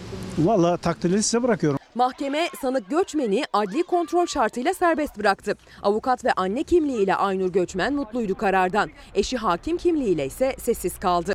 Hakimken ben böyle bir dosya önüme gelse nasıl karar verirdim? Hiç doğru olmaz bu konu hakkında konuşmak. Zaten bir hakim evladının dosyasına bakamaz. Başka birinin dosyası ön. Hayır, hayır. Sanık göçmenin tahliyesine itiraz Bakırköy Cumhuriyet Başsavcılığından geldi. Bu itiraza ilişkin değerlendirmeyi ise Bakırköy 10. Ağır Ceza Mahkemesi yapacak. Anne hakimlikten ayrılıyor ve avukat oluyor. Bu konuşma bana bazı fikirler verdi ama bu konuyu takip edeceğime dair sizlere söz veriyorum. Efendim İsmail Küçükkaya ile Demokrasi Meydanı'na bu sabah bir konuğum var. Hande Hanım geldi. Hande Yaşargil Yönetim Kurulu'nda Kadın Derneği Başkanı'dır. Hoş geldiniz. Hoş bulduk. Nasılsınız? İyiyim siz nasılsınız? Çok teşekkür, çok şıksınız, çok, Çok zarifsiniz. teşekkür ederim. Şimdi izleyenlerime bir bilgi vermek isterim. Beni bir süredir arıyorlardı, davet ediyorlardı eksik olmasın. Dün akşam önemli bir toplantı vardı. Lakin ben affımı istedim. Erken yatıp kalkmak durumunda olduğum için. Ancak kendilerinin de bu önemli projesini yakından tanımak ve dinlemek istedim. Bana da vakit ayırdınız. Dün geldim öğleden sonra. Çok memnun ve oldum. sağ olun Teşekkür bilgilendirmeyi ederiz. yaptık. Şimdi dün akşama bir dönelim. Tabii. Yönetim Kurulu'nda Kadın Derneği dün akşam önemli bir toplantı yaptı. Ve orada bir bayrak devir teslimi yapıldı. Sonraki fotoğrafta göreceğiz. Suzan Sabancı Dinçer Danışma bayrağı Özyeğin'e verdi. Bunu Özyeğin'e bir anlatın dün Tabii. akşamki toplantıyı. Tabii. Şimdi bizim derneğimizin bir danışma kurulu var. Bu danışma kurulumuzun birinci dönem başkanı Cem, e, Cem Boyner'di. İkinci dönem başkanı Muzaffer Akpınar'dı. Üçüncü dönem başkanımız Suzan Hanım'dı. Dün akşam Suzan Hanım başkanlığı Murat Özyeğin'e devretti. Bu bizim danışma kurulumuz. Yönetim kurulumuzun üstünde olan, onlara danıştığımız ve onların bize yön verdiği. Güzel. Şimdi şöyle kısaca insanlarımız, halkımız öğrensinler.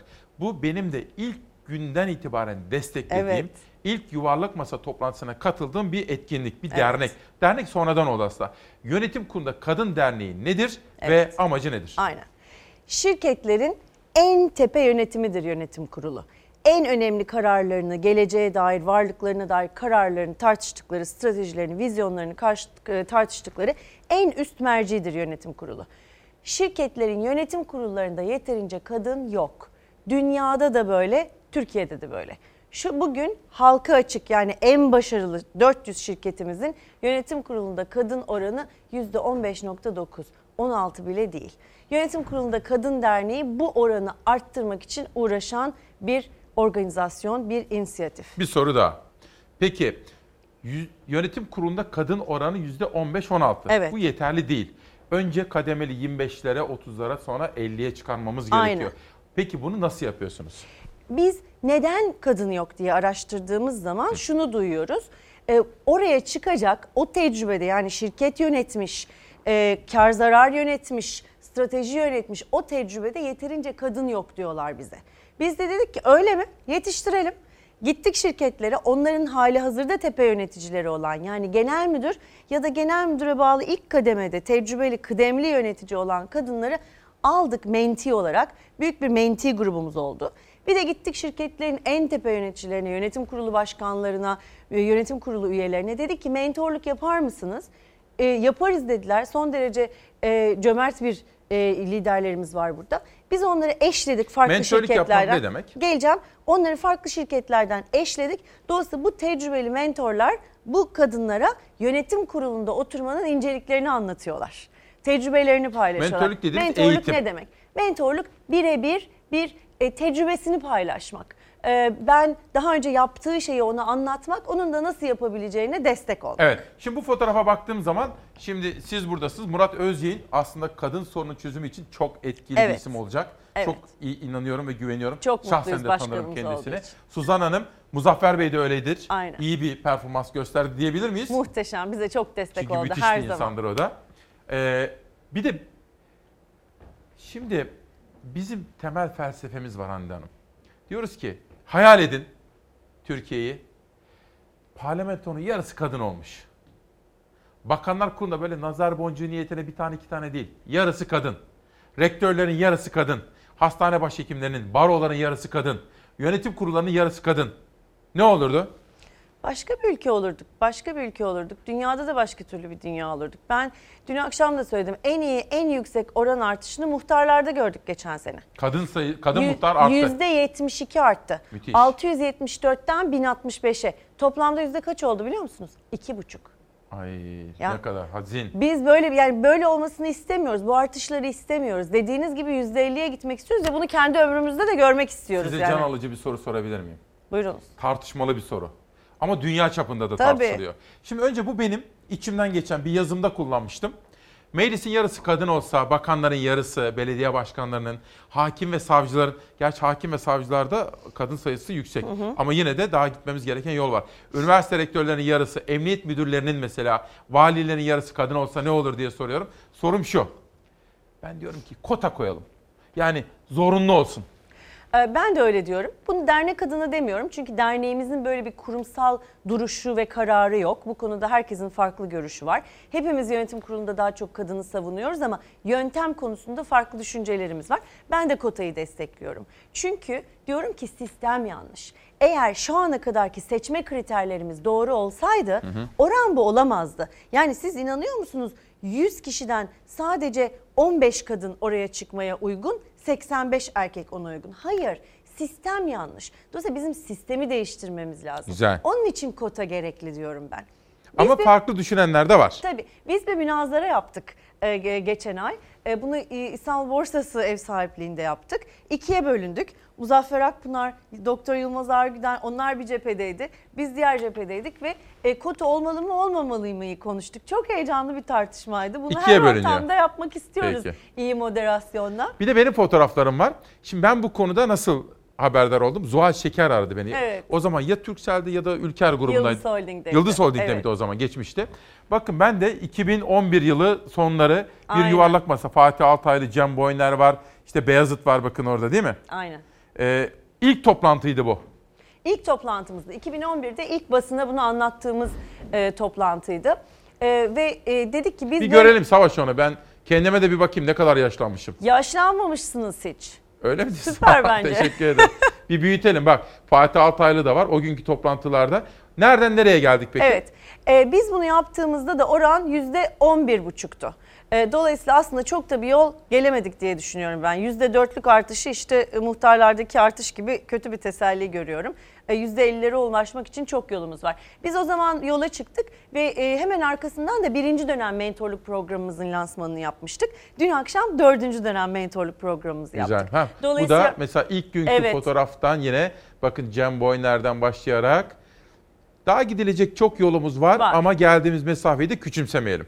Aynen öyle. Öyle diyorum. E, aynen öyle. Biz de yaptığımız her şeyle çok gurur duyuyoruz ama asla yetinmiyoruz. Daha çok yolumuz var. E, dünkü mentorluk e, lansmanımızla ilk dönemde 40, ikinci, üçüncü dönemde 50'şer toplam 140 mezunumuz vardı. Dün eklenenlerle 200 tane yönetim kuruluna hazır aday kadın Harika. Çok teşekkür ediyorum. Ben Sağ teşekkür olun. ederim. Şimdi bugün aslında ben kendisini geçen hafta buraya davet edecektim. Ettim ama büyük annesine gitti. Evet. Antalya'da mıydı? Evet Antalya'da. Bizi de çok seviyormuş sağ olsun. Adı Evet, neydi? Cenan. Cenan Yaşar. Cenan Hanım'ın böyle ellerinden öpüyoruz. Kendisine sevgiler sunuyoruz. Golden Globe bir haber vermek durumundayım Tabii, sizi buyurun. uğurlarken. Çok teşekkür Golden ederim. Globe'da çünkü çok özel, önemli, anlamlı mesajlar da vardı. Hazır mı? Verelim haberi izleyelim. Ben konuğumu uğurlayacağım. Çünkü buradan kızıyla birlikte, adayla birlikte Londra'ya uçacaklar. Evet. Ama başka bir gün sizi yeniden ağırlamak isterim Memnuniyetle, burada. ne Çok zaman teşekkür ediyorum. isterseniz. Golden Globe. That way, we all have a future. Thank you. 77.si gerçekleşen Altın Küre ödüllerine Yıldızların mesajları damga vurdu. Ünlü isimlerin gündeminde Amerika-İran gerilimi, Avustralya yangınları ve yangınlara sebep olan küresel iklim krizi vardı. It's what men have been doing for years.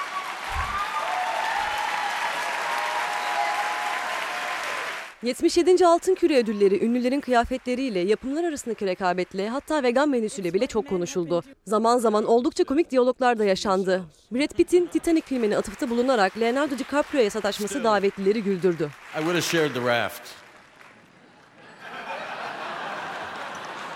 Uh, Ama geceye politik mesajlar damga vurdu. En çok da mini dizi kategorisinde en iyi yardımcı kadın oyuncu ödülü kazanan Patricia Arquette'in konuşması dikkat çekti. Arquette, İranlı General Süleymani'nin öldürülmesi sonrasında yaşanan Amerika-İran gerilimine dikkat çekti. Trump'ı savaş çıkarmakla suçladı. January 5th, 2020, we're not going to look back on this night in the history books. We will see a country on the brink of war, the United States of America, a president tweeting out a threat of 52 bombs, including cultural sites. Sinema dalında en iyi erkek oyuncu ödülünü kazanan Joaquin Phoenix, Avustralya'daki yangın felaketine dikkat çekti. Süresini aştı. Yönetim ödüllü oyuncunun konuşmasını kesti. Sometimes we have to take that responsibility on ourselves and make changes and sacrifices in our own lives. And I hope that we can do that. We don't Jennifer Aniston ünlü oyuncu Russell Crowe'e ödül vermek için sahnedeydi. Avustralya'da olan oyuncunun mesajını davetlilere Aniston iletti. Make no mistake, the tragedy unfolding in Australia is climate change based.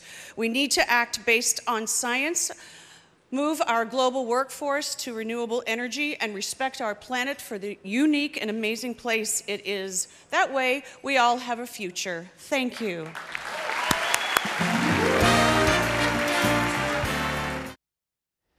Ve işte dolu dolu bir gün konuğumun da uçağı vardı onun için ama böyle vermesi gereken bütün mesajları verdi. Bundan sonra da takipçisi olacağız efendim. Kapanışa bir sürpriz hazırladım. Bir yere gitmeyeceğiz. Günü beraber kapatmak benim çok hoşuma gidiyor. O zaman günün iyi geçeceğini hissediyor ve inanıyorum buna efendim. Ama önce kitap tanıtımı Profesör Doktor Sezgin Kızılçelik'ten Çağdaş Sosyal Teorisyenler isimli kitabı ve Enver Ayaz'dan Zaman Altı Sığınağı, Şair gibi sevmeli. Kitap okuyoruz değil mi? Başucunuzda yatağınızın hemen yanında bir şiir kitabı, bir edebiyat kitabı olsun efendim. Yurdanur Aksoylar Çetirge, Pervanistan ve Diplomasi, Bahar Sarıkaya, Buna Hakkın Var. Haklar ve Sorumluluklar Etkinlik Kitabı. Bakın, hakkımız var, hakkımız olduğu gibi sorumluluklarımız da var. Kader mi diye soruyor Filizcan Güler. Kader mi? Kader mi efendim? Ne dersiniz? Fatih Aynaoğlu'ndan bir Kıbrıs romanı geldi. Babamın Baharı Şener Kızıldoğan. Haftanın şairi Atilla Çınar. Bir sade kahve içip huzurlarınıza geri geleceğim. Ama bir sitem mektubu. Ne yazık kimse mektup yazmıyor. Ne yazık kimse mektup yazmıyor başkalarına. Artık ne iki satır sevgi ne de güzel bir söz. 7 Ocak 2020 Salı İsmail Küçükkaya ile Hakikat Yolculuğunda Libya konusunda uyardık. Dileyelim ve umalım ki Libya Suriye gibi olmasın dedik. Emeği geçen bütün ekip arkadaşlarıma ve Doğan Şentürk yönetimdeki Fox Haber'e içtenlikle teşekkür ediyoruz. Her zaman gücü arkamızdadır efendim. Ve bugünü de kitaplarla tanıtacağım. Abdülkadir Budak, İştahlı Makas, Toplu Şiirler 2. Feridun Babacan'dan yeni çıkan kitabı imzalı olarak geldi. Mitoloji Mizah. Gülderen Çetin, Mercan isimli kitabı. Dilerim mercanlar hiç solmasın. Atilla Çınar'dan bir aşk dizisi geliyor. Belki herkes gidecek. Belki herkes gidecek. Bir, ikimiz kalacağız. Aşktır bu. Aşk. Damla damla birikip yaşanacaktır.